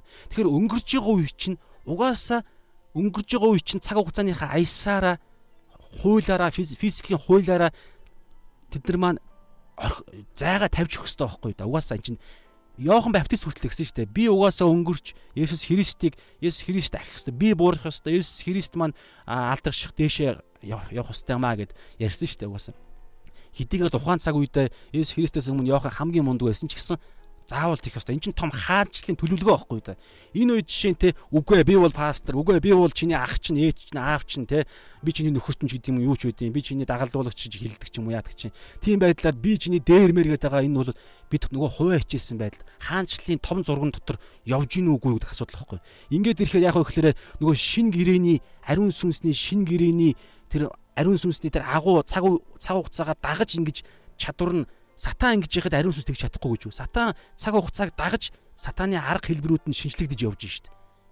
Хуучин гэрээний шин библийн цаг үед тухайн үеийн хүмүүсүүдийг мэхэлдэг хуурдаг байсан арга замаараа одоо хуурах юм бол хинч хуурдагдахгүй гэдгийг сатан мэдж байгаа учраас дандаа шинэ арга зам. Тийм учраас интернет, сошиал ертөнц одоо юу байдیں۔ Янз бүрийн арга замуур те ардчил мартчил одоо хүний эрх мэрх гэд янз бүрийн зүйлсүүдийг ашиглаж сатан хүмүүсүүд рүү хүмүүсүүдийг хуурж байгаа энэ цаг үед ариун сүнс илүү хүчтэй, илүү хүчтэй шинжилэлт, илүү хүчтэй өөрчлөлтийг хийх хүсэхгүй гэж юу? Чадна шүү дээ. Гэтэл яагаад энэ вөхөр дунд нь жишээ нь одоо энэ хүний оюун ухааны шинжилтүүд хийгдэх ёстой хүмүүсүүд дээрээ, хийгдэх ёстой цаг үе дээрээ хийгдэхгүй байвал бас эсвэл хийгдэх байхад нь боомлж хийгдэх гэж байхад нь ямар нэгэн хүний хүнлэг одоо энэ яриад байгаа ёс заншил уламжлал энэ хүний бий болгосон хөвшмөл ойлголтоор ариун сүнсний хийж байгаа ажлыг боомлж байгаа тохиолдод байгаад байгаа байхгүй да. Би зүгээр хатуухан шууд хэлчих. Хин нэг өнрөө хандааг. Гэхдээ угаасаа байгаад байгаа. Та өөрөө ч мэдж байгаа. Тийм учраас энэ цаг үед ойлгох ёстой үеийн буюу өмнөх хүмүүс маань дараагийнхаа үеийг хүлээн зөвшөөрч өөрчлөлтөн дунд дагаж өөрчлөгд ядаж өөрчлөгдөд өөрчлөгдөж чадахгүй махад тэднийхэн доороос нь ингэ дэмжиж байр сууриа тавьж өгөх хэмжээний тэгээд зөвлөгчөөр явж болно шүү дээ. Зөвлөгчөөр ингээд мэдхгүй одоо яадгийн ийм арга замаар явахгүй бол яах вэ гэхээр нөгөө хуучин арга замаар шинэ арга зам явах гэж оролдох юм бол энэ дунд чинь ямар ч талбарууд дээр энэ зарчим цаана байгаад байгаа байхгүй. Тийм учраас аюул юу үр дүнгүй явна, цаг хугацаа удаашрын дунд нь хүмүүс а Монгол ахын дүүс маань ихтгэл дээр ирэхгүй үхэх буюу а там руу явсаар л байна сайн мэдээ сонсох боломжгүй өнөөдөр монгол хүн өгчий бол тэр хүн шууд л там руу явна шүү дээ. Хичнээн сайн хүн байсан ч гэсэн монгол ард түмнийхөө төлөө хамаг юма зориулсан хүн тэгээд өхвөл там руу явбал ямар харамсалтай бай. Бурхан ямар их гашуудан гаслах болоо. Гэтэл энд хэн саад болж ийн гэхээр итгэгч бид нар л саад болж байгаа. Бид ойлгох ёстой ойлголт, өөрчлөгдөх ёстой өөрчлөлтийн оюун ухааны юма хийхгүй бас бид эргэтэнгүүд ч дээ. Та өнөөдөр би зүгээр яг нэг хиймэл зохиомл хүнийг ярьж байгаа шүү. Та өнөөдөр жишээ нь асар мундаг юм хийсэн Монголда хамгийн бест хамгийн мундаг номлол хийдэг хамгийн мундаг одоо хайраараа алдаршсан хамгийн мундаг өглөгч тийм мундаг пастор байсан ч гэсэн та биеийн зөвхөн нэг хэрэгтэн байхгүй да. Тийм учраас бид хизээч бие биентэйгээ харьцуулж, барьцалдаж дээр гарна гэсэн ойлголт юусоо байхгүй. Хэрвээ нэг нэг хүн маань хохирох юм бол та хохирж байгаа шүү дээ. Хэрвээ та нэг хүнийг яллаа гэж бодъё л да. Тэгэх юм бол та өөрөө ялагдаж байгаа байхгүй да. Библи иймэрхүү юм ярьж байгаа. Ерөөсөө энэ одоо энэ юу гэдэг миний энэ гар ингээд те асар гоё ингээд ариун цэвэрхэн би хомс хомсаа одоо эмгтээчүүд чигтэй би эмгтэн байдаг гэж бодоход те маникюрд орж мороод ингээд гар мараа цэвэрлэл ийм амар гоё байтал энэ гар маань балиар муухай сайртцсан байлаа гэж бодъё л доо. Тэгэхээр энэ гар өөрөөрөө бахархаж чадах уу? Би бол амар гоё бест гэд. Тэнгүүд хүмүүс тэгш харахгүй шүү дээ. Энэ гар ингэ гоё байгаа ч гэсэн харангуутлаа. Хүү ямар балиар хүн бэ? На гараа угаагач гэд нэг л хүн рүү хандж хэлнэ. Тэр хүн хин бэ? Нэг л шүү дээ. Тэр нь хин ганцхан Есүс байхгүй. Есүсийн л бид нар эргэтэнгүүд Тэгэхээр та хүчнээ бэст байсан ч гэсэн нэг эргэтэн чинь үлсэд сангаж буруутаж яваад эсвэл унаад бид нар хоорондоо ярьж байгаа нёгийга дээлд юм уу яад юм балер хүний энэ сатаны нэг гимт амьдралын энэ юмар бид хоорондоо ингэх юм бол хэн хохирох вэ гэхээр бүгд хохирно. Тэгээд Есүс Христийн нэр хүнд байхгүй болно гэсэн. Ингээд ирэхээр хэн хохирох юм бэ гэхээр бид нар нэгдүгээр хохирно, хоёрдугаарт итгэлийг итгэлд ирээгүй байгаа сайн мэдээ сонсоогүй сонссон ч гэсэн биднээс болж тэ а холдсон хүмүүсүүд хохирох байхгүй. Нэг л хүн хожино, сатан хожино. Гим нүгэл үхэл хожино. Тийм учраас юу хэлэх гээд байна вэхээр бид энэ том зургаараа юмыг хараад манайхан гэдэг ойлголт, хаанчлынхан гэдэг ойлголт, хаанчлалын тогтолцоо гэдэг ойлголт, аа эргэтэн гэдэг ойлголт те. Тэгээ эн чинь ерөөсөө та ямар ч хүн байсан хамаагүй амьдралын ямар ч хэлбэр, ямар ч талбарт дуудлагатай байсан хамаагүй итгэх итгэлд ирсэн бүх хүмүүсүүд бүгдээрээ эцсийн нэг л зоригтой энэ дэлхий дээр амьдарч байгаа. Би баян хэлэх гээд байгаа. Тэр нь юу вэ гэхээр бусдын төлөө амьдрахаар л бид дуудагдсан. Бусдын төлөө. Есүс Христ бусдын төлөө амьдрахаар л энэ дэлхий дээр ирсэн. Өөрийнх нь төлөө амьдрах ямар ч шаардлагагүй. Бидний төлөө бүх юм хийгээд өгчихсөн. Дандаа ингээ байран солигдсон байхгүй. Нийгэм болохоор өөрийнх нь төлөө юм хийж хийж ягаад нэг зүйлийг авдаг. Гэтэл Есүс Христ хаан Тэнгэрийн хаанчлалын дүрм юу вэ гэхээр эхлээд бүх зүйлийг өгчихсөн Есүсийн дотор. Ариун сүнсээр та одоо юу хүсэж чинь тэр бүх зүйлийг чи өгчихсөн. Тэрийг та авахын тулд тэр өгчихсөн тэр нэг юм өгөгдсөн тэр амьдралынхаа дүрм журам тогтолцоогоор л амьдрах хэрэгтэй. Тэр нь юу гэхээр за миний амьдралын зорилго биелсэн. Одоо бусдын төлөө амьдрна. Тэгэхээр таны амьдралын зорилго аль эзэнэ та итгэж хүн бол биелсэн байхгүй да. Та аль эзэнэ Тэнгэрийн улсад бүх зүйл чинь бий болсон. Гэтэл та энэ дэлхий дээр гой болох гээд байна уу? А тэгвэл бид нар итгэж биш хүний амьдралын зорилго буюу би хуваа хичээсэн амьдрал миний амьдралын эзэн бол миний амьдралын эзэгж байгаа тэр амьдралын эзэн болж байгаа зорилго бол би гэж байгаа бол итгэвч аврал аваагүй хүний амьдралын зорилгоор та амьдрах гэдэг шүү дээ. Хоёр эзэн зэрэг үйлчж болохгүй гэдээ хэлсэн байгаа. Боломжгүй гэсэн байгаа шүү дээ. Болохгүй ч боломж байхгүй. Болно гэсэн ч боломж байхгүй. Нэг нь маммон буюу Есүс бурхнаас дээр гарч байгаа бүх тэр мөнгө, төгрөг, эд хөрөнгө одоо би гэсэн хуваа хичээсэн үзэл мүзэл бүх юм орж байгаа. Нөгөөх нь бурхан. Тэгэхээр та бурхны бурхны тэр Тэнгэрийн хаанчлалын зорилгоор л дуудагдсан. Эн чинь шин арга зам. А шин амьдралын хэм маяг буюу Эфес 2:10 буюу сайн үйлсийн төлөө бид үнгүү бэлэг нэгүүлсэл одоо үрчлэл аврал одоо нэгүүлсэл ариун сүнсний бэлэг авьяас те тэнгэрлэг эд хөрөнгө бүх юм өгөгдчихсэн. Гэхдээ нэг л зорилготой. Тэр нь Эфес 2-ын 8-9 дээр 8-9-ийн хийсэн зорилго нь нэгүүлсэл аврал үйлсээр биш итгэлээр өгөгддөг аврал нь Эфес 2-ынхаа 10 нь тэр нь сайн үйлсийн төлөө энэ дэлхий дээр бурхны бурхан эцгээ алдаршуулахын тулд бидний сайн үйл бусдын өмнө тийхүү гэрэлтэх гэж байгаа. Тэгэхээр ийм л зүйл ярьж байгаа. Тийм учраас өөрчлөлт зайлшгүй болно. Бид хичнээн мундагч мундаг өөрийнхөө цаг үедээ өөрийнхөө талбар дээр тэг харалта би чинь нэг цаг үед цаг хугацаанд олон газар байж чадахгүй зү. Та хичнээн мундагч гэсэн одоо тийм учраас юу гэдгийг чуулганы христийн биед бие биенээ таньдаггүй байдал асар их байгаа шүү дээ. Өнөөдөр асар олон мундаг мундаг пасторууд нам гүн байгаа. Мэдж байгаа би олон юм сонссон. Цаг одоо хотын захын пасторууд маань ямар мундаг мундаг гэрчлүүд би сонссон. Мундаг мундаг намуухан чимээгүй байгаад пасторууд асар мундаг даруухан үг яриа библийн дагуу тэг хөдөө орон нутгад яривал ямар гой гой хүмүүс байгаа болоо. Гэтэл тэр гой хүмүүсийг би яагаад танихгүй вэ? Аргагүй байхгүй да. Бид энэ дэлхий дээр орон зай цаг хугацаанд цаг хугацааны хязгаарлагдмал дэлхий дээр бид амьдарч байгаа шүү дээ нэг хүн нэг нэг цагт нэг хүн олон газар байж чадахгүй зөвхөн бурхан л чадна. Тийм учраас ариун сүнс тэг чаддаг учраас бид сүнсээрээ бие биентэйгээ харилцна гэдэг чинь тэр байхгүй юу? Сүнсийг хуваалцагч нар болцсон. Гэтэл ийм хязгаарлагдмал дунд байгаа мөртлөө би хамгийн дээр гарах гал миний ярьж байгаа бүх юм үнэн гэл миний ойлгосон үнний нэг тал хамгийн бэст түүлийн үнэн мөн гэл ингээл нэг нэгнийхээ дээр гарах гэдэг бол эн чин сатааны арга замаар явж гинэ л гэсэн. Бид буруу юм чөтгөрийн буруу юм хийж гинэ гэсэн. Гэтэл дандаа олон олон юм яригддаг. Дандаа эргэтэнгүүд яригддаг. Тийм учраас өөрчлөлт гарцаагүй. Тэгээ хөвшсөн энэ уламжлалын ойлголт. Тэгээ нэг зүйл байгаа хараа. Аа, Эфес биш илчилт дээр илчлэлт номон дээр нэг юм байгаа дээ. Аа, нэг илчилт номын нэг хэсэг дээр нэг юм хэсэг байгаа. юу юу гэж байгаа вэ гэхээр хэрүү мэрэгэн ухаантай нэгэн байвал энэ тоог тооцоолж олж мэдгдсэн байна. Тэр тоо нь юу вэ гэхээр энэ бол чөтгөрийн тоо гэж байгаа 666 гэж байгаа.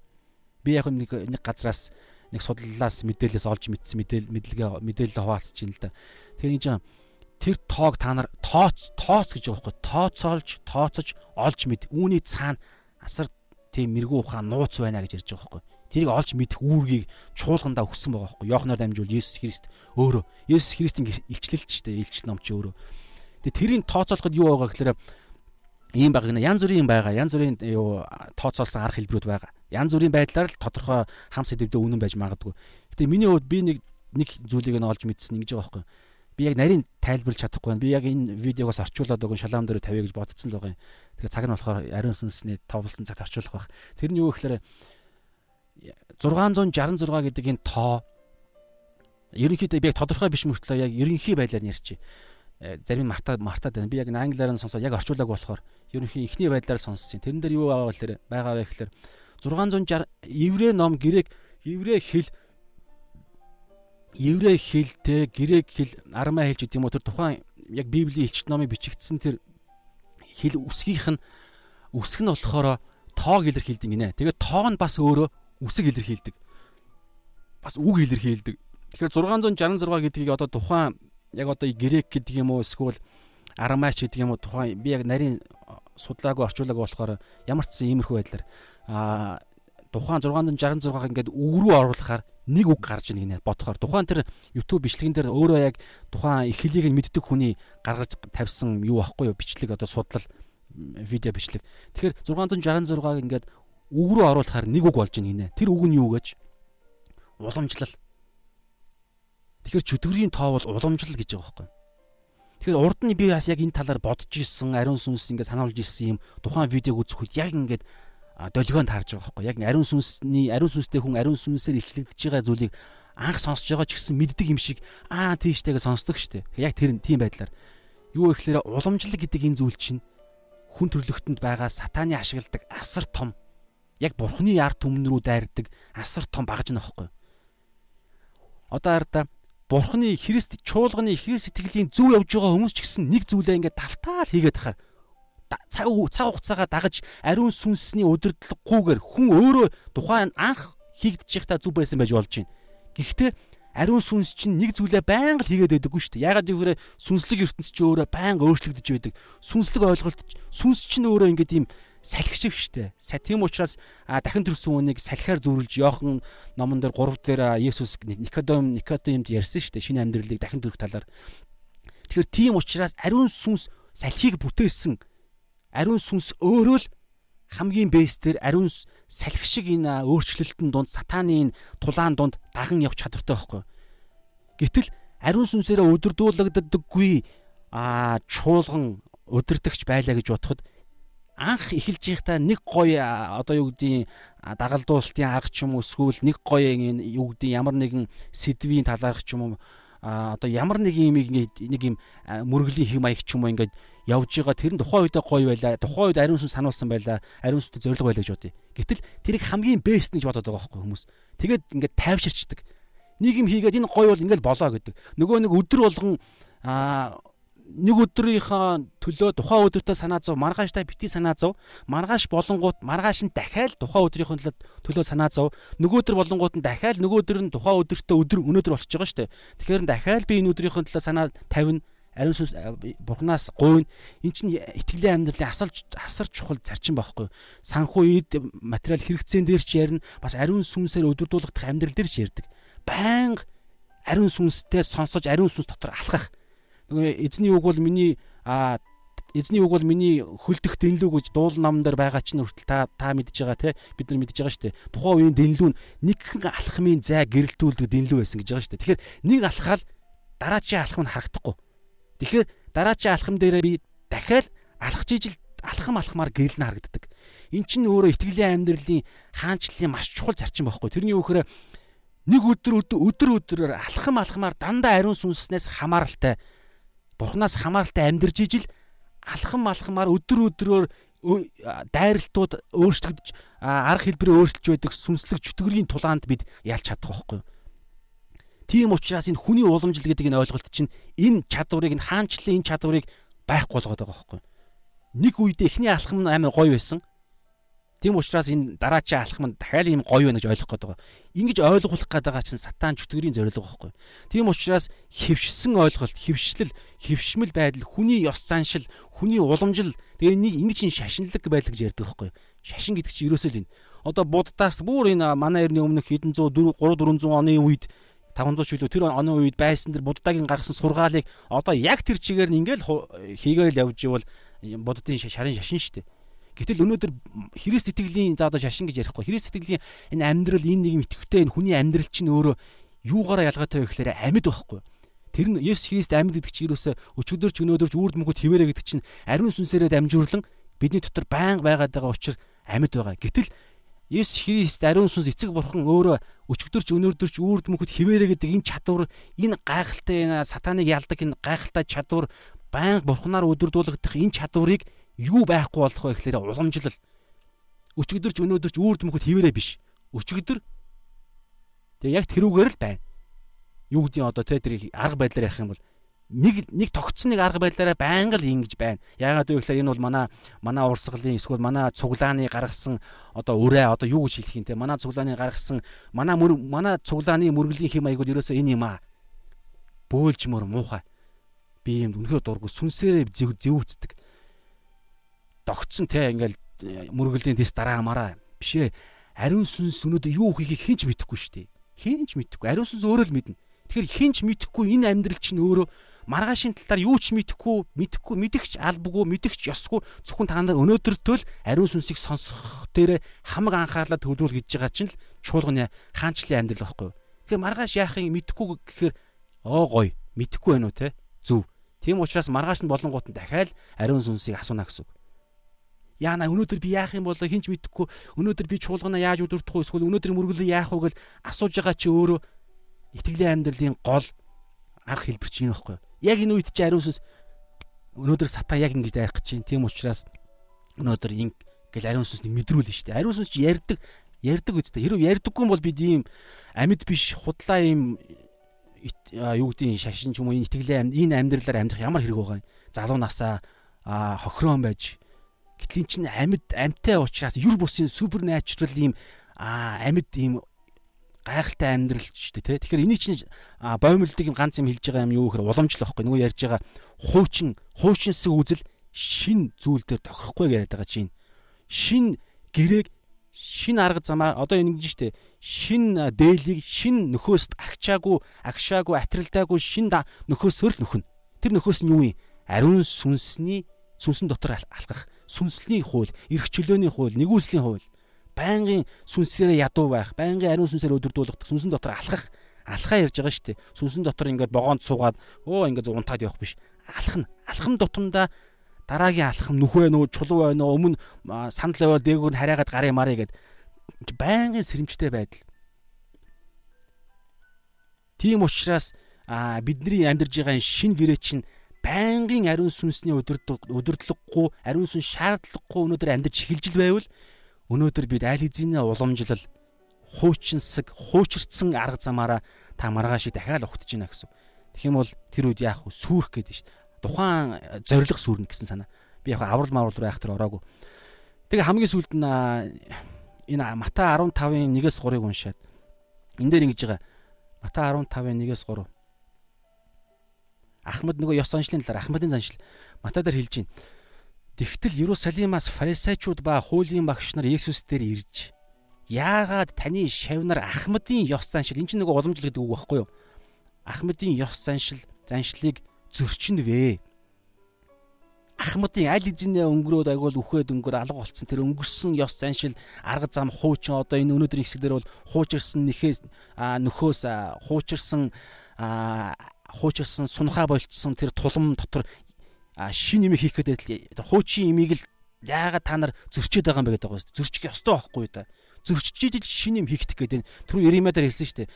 Тэр хуучин гэрээтэй адилгүй шин гэрээг гэрээг та нартай байгуулах цаг ирж гинэ гэж Иремэ 31-ийн 31-ээс 32 дээр хэлсэн шүү дээ. Гэтэл хүмүүс юу гэж ярьж гинэ вэ гэхээр яагаад та нар зөрчөөд байгаа юм бэ?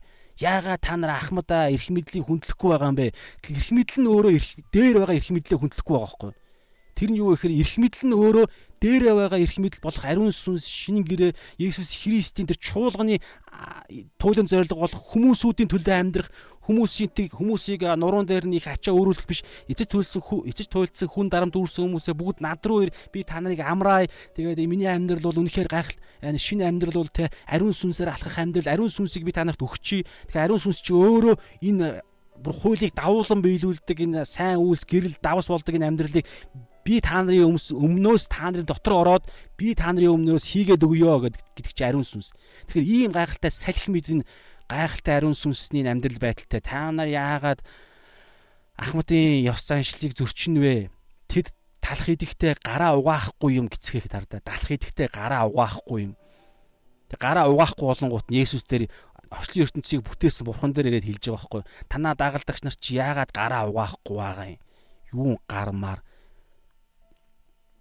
Тэгтэн тэр Есүс хариулж хариуд нь тэдэнд яагаад та одоо хардаа өнөөдөр шин гэрэний тэр гайхалтай гал гайхалтай ирч хүч ариун сүнс хүмүүс хүн болгоныг ариун сүнс өдөрддөг тэр шин гэрэний шинэлэг тэр гайхалтай зүйлийг заадаггүй ярьдаггүй хуучин имийг л ингээл дээрэс нь дарамтлаад байдаг тийм хин нэгэн пастор хэрэг байгаа бол хэлж гинэ гэсэн үг. Хин нэгэн ахлагч хин нэгэн хувь хүн өөрийнхөө амьдралаа ч гэсэн хувь хүн өөрийнхөө амьдралыг хуучинсаг шашинлаг ойлголтоор хуучинсаг хүмүүсүүдийн зааж ирсэн номлолын ойлголтоор ч юм уу өөрийгөө ингээл дарамтлал буруутгаал шүүгээл яллаад байгаа хүмүүст хэлж гин Иесус. Бүх хүмүүс ямар нэгэн л тийм хуучинсаг байгаа хүмүүст хэлж гин. Тэр хариуд нь тэдэнд яагаад та нар аа та нар бас одоо баг адилах адилах чинь шүү дээ. Та нар ингэ зөрчиж байгаа ч бол та нар өөртөө зөрчиж гинэ гэсэн санаа. Яагаад та нар бас ёс заншлынхаа төлөө Бурхны тушаалыг зөрчин вэ? Бурхны хүслийг зөрчин вэ? Бурхны хууль дүрмийг зөрчин вэ?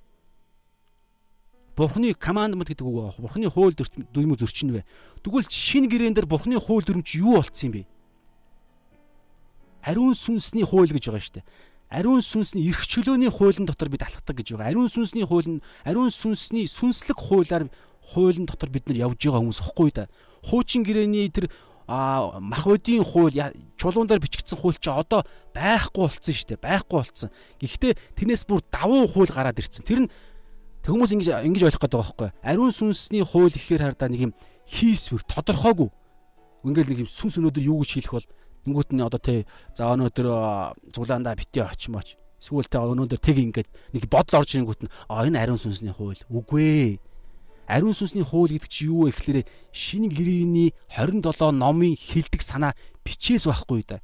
Бичээсэн дээр бичээс шинэ гэрээний 27 ном ингээд базагдаад тухайн сэдв ч юм уу тухайн зүйл дээр юу хэлж ийнэ тэр чинь л тэр үгийг үйлдэх чинь л тодорхой хууль дүрм үйлдэгдэх юм хэрэг тодорхой юм ярина. Тодорхой нэг үйлдэлийг хий гэж хэлнэ угаасаа.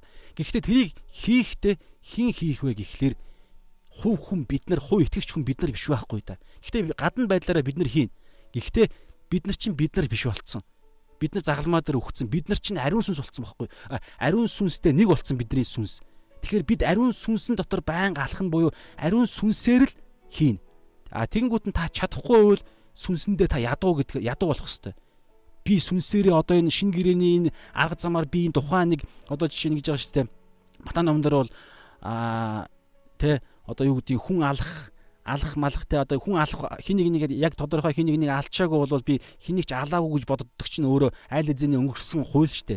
Гэтэл ариун сүнсний шин гэрэний шин хууль чинь юу гэж хэлж байгаа гэхээр зүрхэндээ хин нэг нэг үзий ядж байгаа тэр хүнийг айл эзэний алсан гэдэг тэр хамгийн жинхэнэ гим нүглийн чинь үндс нь тэр гэж хэлсэн штэ.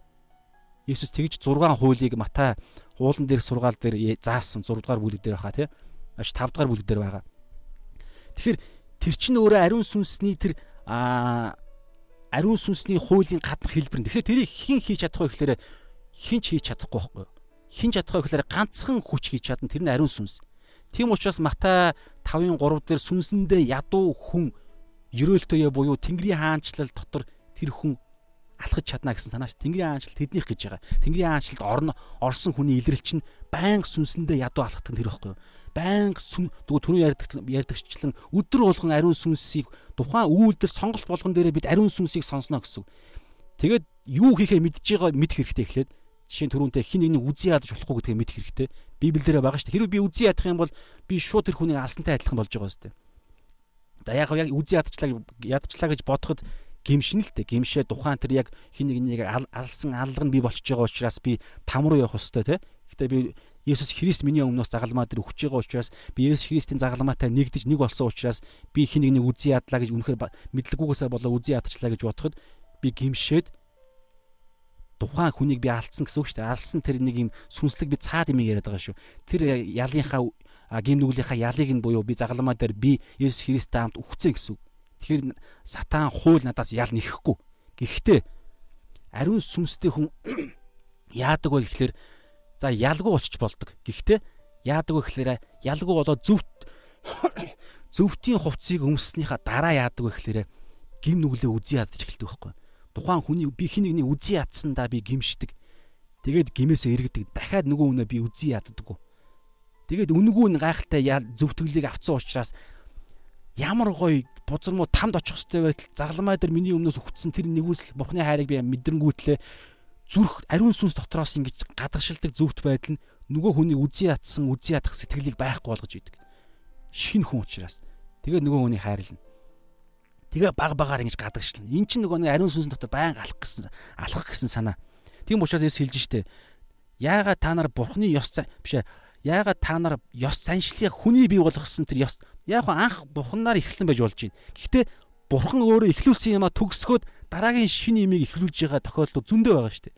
Тийм учраас дандаа өөрчлөгдөж явдаг. Дандаа ариун сүнсний шинжилтүүд хийгдэж явдаг. Цаг үетэй нэг нэгдэж чуулган өөрчлөгдөж хүчрхэж явах дуудлагатай байхгүй да. Гэтэл ингээд те хүнийхээ ёс заншлаа ингээд бурхны имийг те өөрчлөлтийг ингээд юу гэдгийг зогсоогоод хүн өөрийн болгоод өөр юм сүлээ авчиж байгаа зү би минийх болцсон ард тэгээ энэ дээр хараад ахмадих гэж байгаа юм байна. Бурхны бурхны ёс заншлаж хэлээгүй. Ахмадын ёс заншлыг та нар яагаад зөрчнө вэ гэсэн чинь тэгэхээр хараа Есүс яг тэрүүгээр нь хэлж байгаа. Та нар яагаад та нар ёс заншлынхаа өөрсдийнхөө ёс заншил өөрчлөгдөх ёстой байсан боловч өөрчлөгдөөгүй тэр ёс заншлынхаа төлөө бурхны тушаалыг зөрчнө вэ? Тэгэхээр бурхны тушаал бол хардаа ариун сүнсийг гэж байгаа шүү дээ. Тэгэхээр ариун сүнс чи өөрөө байнга нөхцөл байдлыг дагаж шинжлэгдэж тохирсон арга хэлбэрээрээ тохирсон цагт нь тохирсон хүнд нь тохирсон тэгээ дуу хоолоогоор өнгөний аясаар тохирсон худаашралыг тооцсон бухны товлсон цаг буюу нөгөө үнтэй яах вэ ийх үү бүх зүйлийг ариунсан хамгийн бэйстэр хийн. Тийм учраас бидний өнөөдөр одоо өнөөдрийн хэсгээр те юу гэдгийг яг одоо бодогдож байгаа хэрэгжүүлэлт бол ариун сүнсийг яаж сонсох вэ гэдэг дээр л суралцах хэрэгтэй. Нэгдүгээр. Тэгээд ариун сүнсийг сонсохыг хичээх, ариун сүнсийг сонс, ариун сүнсийг хүсэх хүслээ өдөр болгон тээх. Өнөөдөр би ариун сүнсээрээ бест байгаад болчлоо гэдэг бол үгүй байхгүй. Маргааш шаал өөр төрлийн тулаан хүлээж байгаа шүү дээ. Өдөр болгон өөр. Өдөр болгон өөр. Амьдралын хэм маяг яриаггүй. Сатан бол юу гэж ярих вэ? Чөтгөр юу гэж ярих вэ гэхээр амьдрал хэвийн гэж ярина. Хэвийн. Юус тодорхой ш. Тийм ч учраас энэ аа юу лээ? амжилтын талаархын зарчим марчим ингээл хүмүүсүүдийн гаргадаг ном мом чи ингээл те ингээл нэг юм хэвийн тогтсон нэг юм юм дотор л гаргасан юм. Тэгээ энийг чинь сатан хүсэж байгаа. Бүх зүйл хэвийн тайван амар тайван өөрчлөлт байхгүй те маргаашийн төлөө те өнөөдөр ингээл юм хийчихдэх юм бол маргааш ч найдвартай болно. Бурхан хэрэггүй гэсэн санаа хэлж хэлж байгаа гэсэн үг шүү дээ. Маргааш бурхан хэрэггүй, маргааш амар тайван болно. Тэнгүүт нь маргааш нь яг адилхан амар тайван байдаг. Ягаад тэгэхээр сатан тэр үед өөр нь ерөөсө өөрөө сатан өөрөө алдарших малдарших ямар ч зориг өөрт нь хамаагүй шүү дээ. Сатан алдар нэрийг хүсдэггүй. Сатан нэг л юм хүсэж байгаа. Хүнийг өхөөсэй гэж хүсэж байгаа. Тэгвэл сүнсийг нь өөртөө авч чадах учраас тамд. Тэгээ тамдаа очиод яа мөнхийн мөнхөд бурхныг зовоох гэдэг шүү дээ. Хайртай хүнийг нь мөнхөд тамлах гэдэг байгаа сте. Ийм л зоригтой. Тэгэхээр тийм учраас сатан хязээж өөрийгөө алдраа яахгүй. Айгуул бурхныг нөгөө хүнийг алд яг Есүсийг нөгөө гурван сорилтоор те надад мөрөг тэх юм бол би чамд дэлхийн ертөнцийг өгье гэдэг шиг те амьдралынхаа эзнээ намайг болох гэсэн санаа шүү дээ. Өөрийнхөө төлөө амьдр гэсэн санаа. Би гэдэг үзэл үзэл цаана явж байгаа шүү дээ. Тэгэхээр тэгэх юм бол дэлхийн ертөнцийг бүгдийг өгнө. Тэгэхээр миний бодлоор Есүс Христэд яг Есүс Христ үнэхээр яг магадлалаар зүгээр ингээд бодож үзэхэд мөргсөн бол сатан Есүс Христэд энэ дэлхийн ертөнцийг өгч чадах байсан. Яа Адам Явагаар дамжуулж сатан энэ дэлхий дээр хаанчлцсан хаанчл ноёрхоод эхэлсэн шүү дээ. Эхэлсэн. Тэгээ Есүс Христ энэ дэлхийн дээр гимгүү амьдарч ялж те үхлээс дахин амьснараа тэр гайхалтай аа тэгээ шүүлтийг тунхагласнараа энэ дэлхий дээр өөрт нь итгэгч нарынхаа дотор энэ дэлхий дээр хаанчилж байгаа. Харин Есүс Христийн эрх мэдлээс гарах юм бол одоо наана уламжлал боломжл гэдэг янз бүрийн юм маар одоо юу гэдэг ямар нэгэн байдлаар ингээд Есүс Христ өдөр болгон Есүс Христэд захирагдах тэр гайхалтай бест амьдралаар амьдрахаас холтгол юм бол бид сатааны хаанчлал дотор орно л гэсэн үг. Тэгэхээр ариун сүнсээр алхаж байгаа хүн л өнөөдөр энэ дэлхий дээр хаанчилж байгаа. Ариун сүнсээр алхахгүй байвал өнөөдөр бид нар сатааны тэр а одоо тэр хаанчлал руу орчиж байгаа байхгүй. Тэгэхээр бид зовноо л гэсэн. Бид олон улам илүү сорилтонд орно. Улам илүү бид итгэгч итгэгч яг аврагдсан байж болно л да. Гэхдээ л амьдрахтаа бид хаанчлалын амьдралаар амьдрахгүй бол аврагдсан амьдрал чинь 5 5 5 амьдрал шиг болж хуурах байхгүй. Тэгээ арай гэж юу руу очно? Аврал руу орно ш. Тэнгэрийн хаанчлалд орно. Гэхдээ л тэд Библиэлд бас байгаа шүү дээ. Галаар шалгагдаад ингээд нэр арай гэж амин голтой л тэнгэрийн хаанчлалд орж байгаа юм шиг тийм байдалтай. Ийм муухай амьдрал энэ дэлхий дээр амьдрахгүй амьдрахыг хүсэхгүй байгаа учраас бид нар яах вэ гэхээр хаанчлалынхаа дөрөн журмаар л амьдрий л та. Тэр нь юу юм? Нэг л зорилготой амьдарч байгаа. Бусдын төлөө л амьдарч байгаа. Бид өөрсдийнхөө төлөө амьдарч амьдрах ямар ч тийм зорилго байхгүй. Библийн ямар ч тийм санаа байхгүй. Бид 100% өнөөдөр та үнэхээр итгэж нэгдүгээр та энэ асуултанд хариулах хэрэгтэй. Үнэхээр аврал авсан итгэж хүмүүн үү? Тэг үнэхээр мөн болвол та энэ дэлхийд таны өдөрж өнгөрөөж байгаа хоног мөч болгон боссын төлөө. Гэхдээ тэрэнд хүрэх а хэлбэрүүд нь бүгд ондоо штэ. Та хүс хүмүүсүүдийн зүрх сэтгэлд нь бурхан бурхан бидний зүрхэнд хүслийг өгж байгаа штэ. Тэгээ хүн болгон бид нарыг хүн болгоныг бурхан өөр өөр дүр төрхөөр ариун сүнс өөрөө бүтээгээд ариун сүнс те өөрөө дотор нь хүн болгоны дотор яг өөр өөр тохирох хилээр нь харилцаад ариун сүнс хүн болгоны дотор байгаа. Тийм учраас хүн болгон өөр өөрсдийнхөө өнгөөрөө гэрэлтэж өөр өөрсдийнхөө эрхтнийхээ үүргээр амьдрна.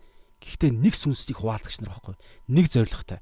Тэр нь бусдын төлөө гэдэг нь үл итгэгч хүмүүсүүдийн төлөө хамгийн яг цаад хүмүүс зориг нь сатааны боочлогдож байгаа одоо Монгол одоо бусад энэ дэлхийн те хаан илгээгдсэн тэр газар дээр байгаа итгэгч биш хүмүүсүүдийг бурхны энэ гайхалтай хаанчлал ориул оруулах нэгдүгээрт хоёрдугаарт оруулсныхаа дараа бид бие биений эргэтэн эргэтэндээ үйлчлдэг үсттэй энэ захтнаадаа энийгээ майж чи үсээ гой ингээ зас чи миний гар миний үсэнд үйлчилж байгаа үсттэй яг эн чинь тэнгэрийн хаанчлалын зорилго шүү дээ Тэгээ энэ үс бол ерөөсөө одоо ямар зоригтой юм те. За магадгүй энэ үс одоо гоо сайхан дээр байж болж байна. А хүлс мүлсийг те энд ингээд хамгаалах байх. Одоо хүмүүс хүмүүсийг бүгд зоригтой л ах л да антаа мэддэг хүмүүс мэдж байгаа. Тэр зорилгоо хэрэгжүүлнэ өөр юм хийхгүй байхгүй да. Тэгэхээр эргэтэн чинь өөрийнхөө ирсэн бүтээгдсэн зорилгоо л хийнэ. Өнөөдөр жишээ нь би мэддэг хүмүүс нь анзарч байгаа бол би мөнгө санхүүг ерөөсөө олохгүй нэлээ удаа явж явж байгаа. Мөнгөний төлөө явахгүйгээр шийдэд амьдраа явж байгаа. Гэтэ миний зорилго байгаа. Тэр нь юу вэ?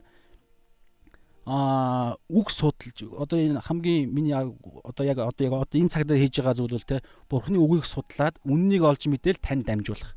За чаашлах юм бол багахан жоохон англи хэл дээр YouTube дээр эсвэл кино ч юм уу тэр бас адилхан үннүүдийг үнэтэй холбогдлолтой контентуудыг орчуулад тэгээд шалон видеос дээр тавих. Яваанда би өөрөө бас библи судалсан судлаасаа зарчим гаргаж бас өөрөө видео контент хийхийг хүсэж байгаа.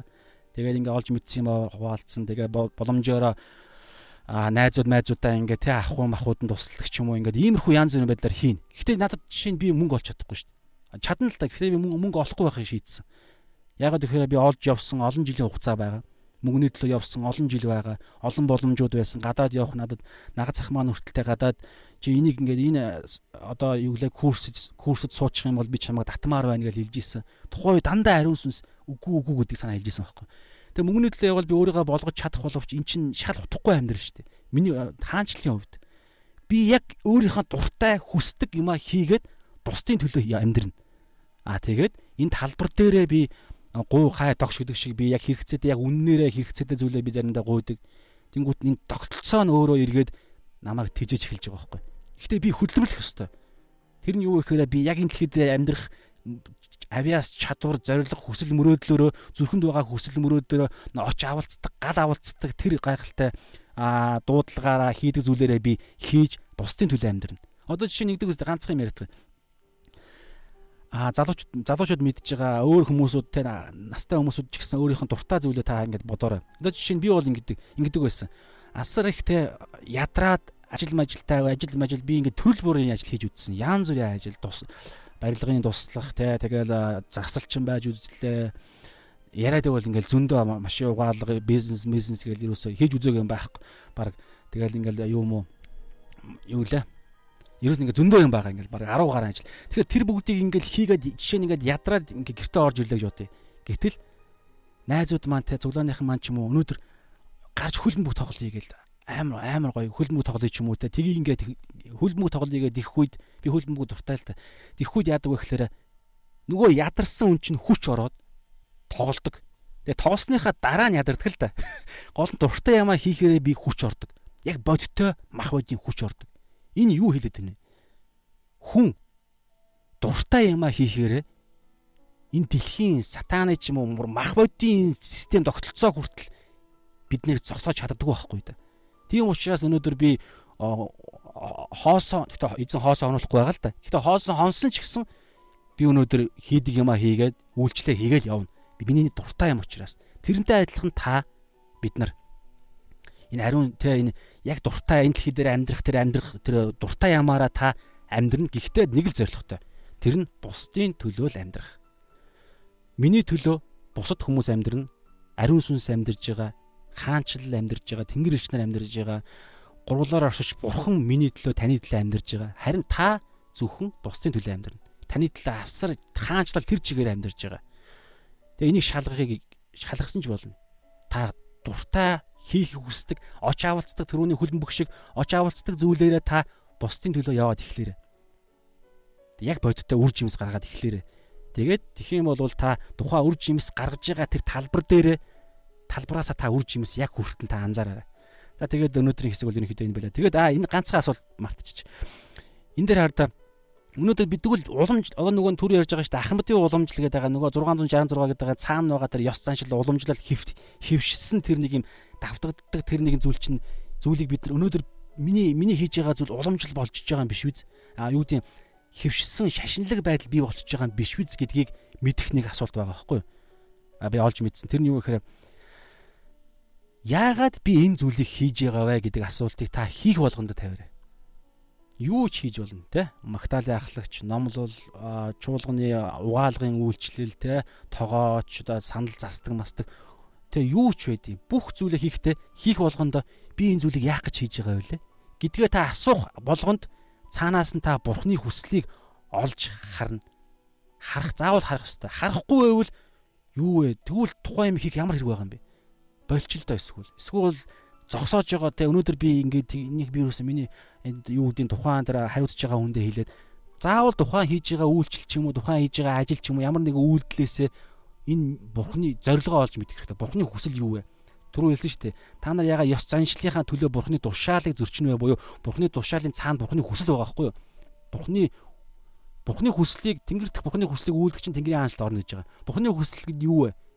Үг шүү дээ. Үг. Үгэн дээр бичигдсэн үгийг бид нар Библийн бичээсийг судалж мэдж тэгээд судлахтаа маш чухал техник юу гэдэг яг зөв судлах хэрэгтэй. Тэм учраас чуулган гэж байгаа, пасторууд ч байгаа, эсийн ахлагч нар байгаа, найзууд ч байгаа. Тэгээд тэндээс зөв судлаад Бурхны хүслийг олж мэднэ. Тэрнийхээ дагуу та өнөөдөр хийдэг зүйлээ зөвл дотроод Бурхны хүслийг шингээн. Энэ Бурхны хүсэл байхгүй үйлдэгдэж байгаа юм чинь өөрөө уламжлал ёс заншил шашинлаг зүйлс болоод байгаа байхгүй. Тэр нь одоо жишээ нь усан баталгаа байж болно. Усан баталгаа ямар ч утга учиргүй усан баталгаа хийгдвэл яах вэ? Энэ яг л уламжлал болно. Ёс заншил зүгээр л ёс заншил уламжлал шашинлаг зан үйл болчихно.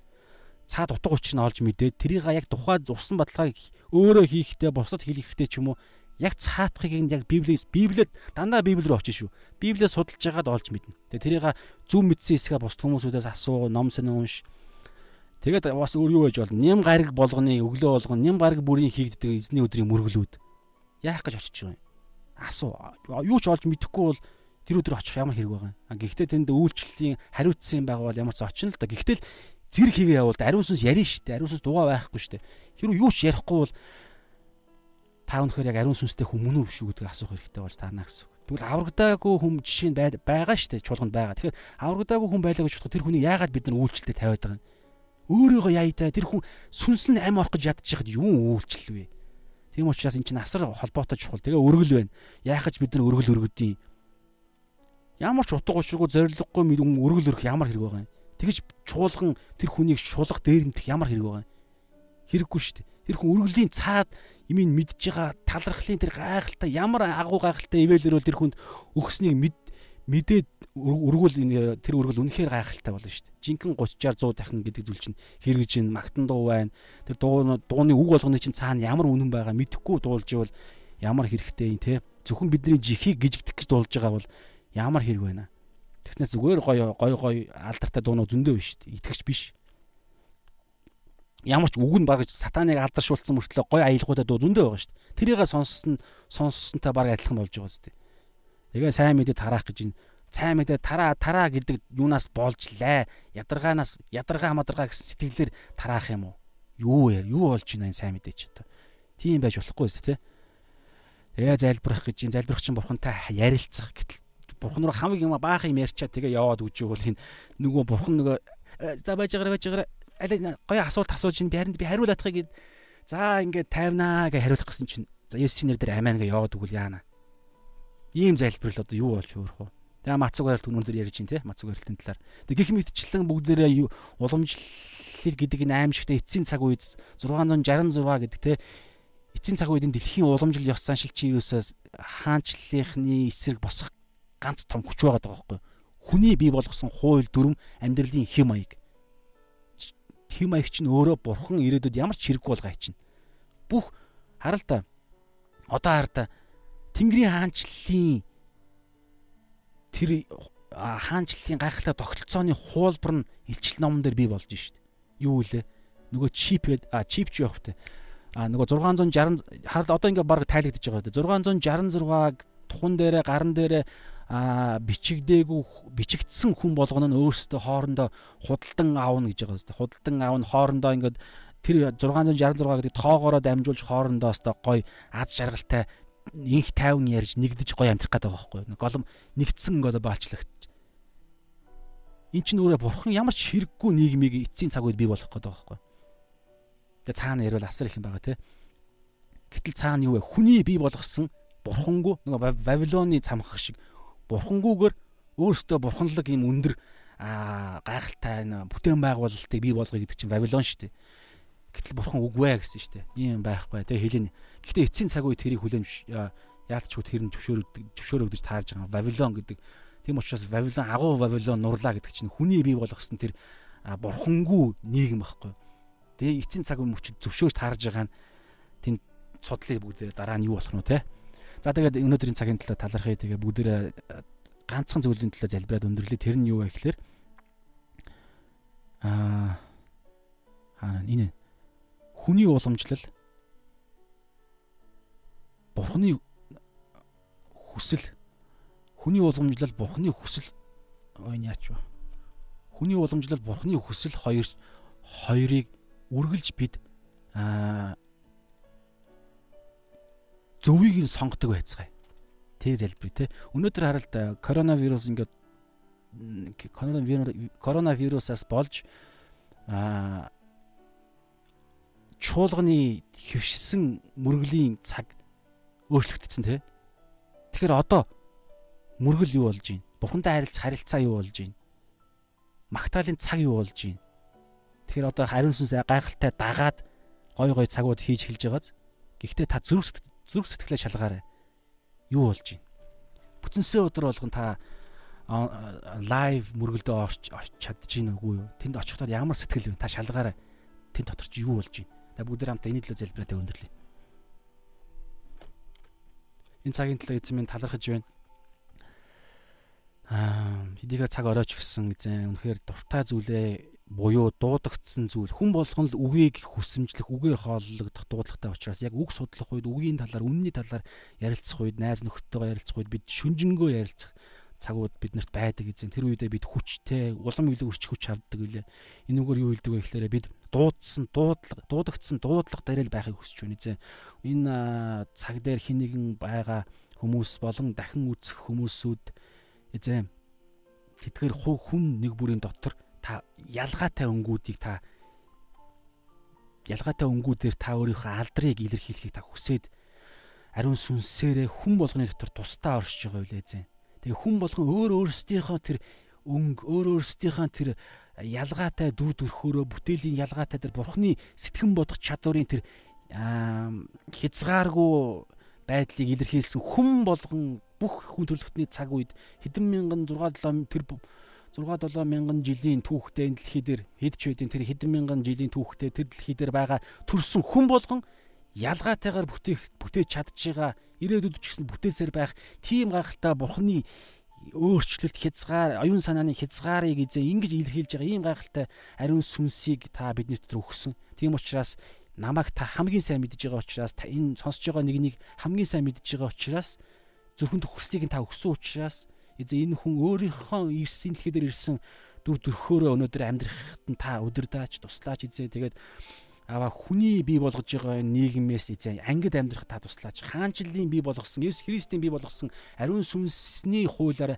өнөөдөр амьдрдаг шин гэрэний Библийн 66 номын тэр нэгдсэн комплекс тэр гайхалтай хууль дүрмээр амьдрах ариун сүнсний хүчээр тэр бүгдийг хэрэгжүүлэн амьдрах энэ амьдралаар амьдрахад минь эзэн та биднийг өдрөөс өдөрт зааж чиглүүлж тэг оюун санааг минь ариун сүнсний оюун санаагаар өдрөөс өдөрт шинжилээч энд байгаа хүн нэг бол болгоныг тань даатхан талархаж байна. Тэгээд эзэн ариун сүнс тань даатхан залбирч байна. Амен дараагийн цагийн төлөө баяртай гэж хэлье. Тэгээд ганц нэг орой боловч манайхан хамт байгаад баярлалаа. За эзэн хамт байх болтугай гэж байна. Тэгээ инх тухайн инх төвш өнөөдөр миний бодлоор өнөөдөр бид бид нар заавал мацаг барих шаардлагагүй байхаа мацаг баримаар байгаа бол итгэл рүү чиглэсэн байдлаар хийх нь зүйтэй болов? Харин тий мацаг мацаг барихтаа итгэл рүү чиглэн чиглэсэн байдлаар тий зөв байдлаар бид мацаг барих шаардлага өнөөдөр байгаад байгаа байхгүй а хэрвээ та тэр шалан видеос дээр байгаа хэрхэн мацаг барих вэ гэдэг бичлэгийг та үзээрэй судлаарай. Мацаг барилт өнөөдөр бид миний бодлоор бол библич гэсэн өнөөдөр мацаг барих хэрэгцээ байгаа. Яагаад вэ гэхээр бид а сул дорой ялзарж байгаа биднийг тодорхой цагт бидний оюун санааг удирдах байдаг мах бодин дотор бид байсаар л байгаа учраас бид мацаг барих хэрэгцээ байсаар л байгаа гэсэн үг. Мах бод тодорхой бид дургу зүйлийг бид одоо юу гэдэг бид хийхийг хүсдэггүй зүйлээ энэ зүйлийг би хиймээргүй байна гэж байгаа мөртлөө мах бодийнхоо хүсэл хүслээрээ бид хийгээд байгаа амьдрал энэ амьдрал мах бодин дотор байгаа л байгаа бол бидэнд мацаг барих хэрэгцээ байна л гэсэн үг. Тэгээ мацаг барилт гэдэг чинь өөрөө зовлон зовлон биш байхгүй да мацаг ойролтын цаг гайхалтай цаг. Тэгээд тэр та хэрхэн мацаг ойрох вэ гэдэг тэр бичлэгийг шалон видеос руу ороод үзээрэй. Тэр дотор мацаг ойролтын гайхалтай зүйлийг хийж байгаа. Есүс Христ өөрөө мацаг ойрсон. Есүс Христ өөрөө мацаг ойролтын амьдралаар амьдрсан талаар тэр бичлэгтэр бас байгаа. Тэгэхээр Есүс Христ энэ дэлхий дээр өөрөө итгэгч нар, дагалдагч нар хэрхэн амьдрах вэ гэдгийг аа үлгэрлэн харуулсан амьдралаар амьдрсан шүү дээ. 40 өдрийн мацаг ойролтыг хийсэн. Тэгээд дараагаар нь үе үе Есүс Христ дандаа мацаг ойролтын дунд амьдарч байгаа. Тэгэхээр мацаг барилт хэрэгтэй. Гэхдээ бид ямар байдлаар хийх вэ гэхээр одоо ямар ч бас өнөөдрийн хэсэг дээр байгаачлан Йоохны дагалдагч нарын энэ асуусан шиг ийм утга учиргүй зорилгоо мэдхгүй мацаг барилт хэрэггүй гэсэн. Зорилго нь юу юм? Бурхантай харь илүү цагаар илүү гүнзгий төвшөнд бурхантай харилцаж бурхантай харилцах цаг шүү дээ. Тэр харилцаа нь ямар ч зоригтой байж болно, ямар ч хэлбэрээр байж болно. Бурхан дээр хамаг фокус анхаарлаа төвлөрүүлэх чинь л өөрөө мацаг барилт байхгүй юу?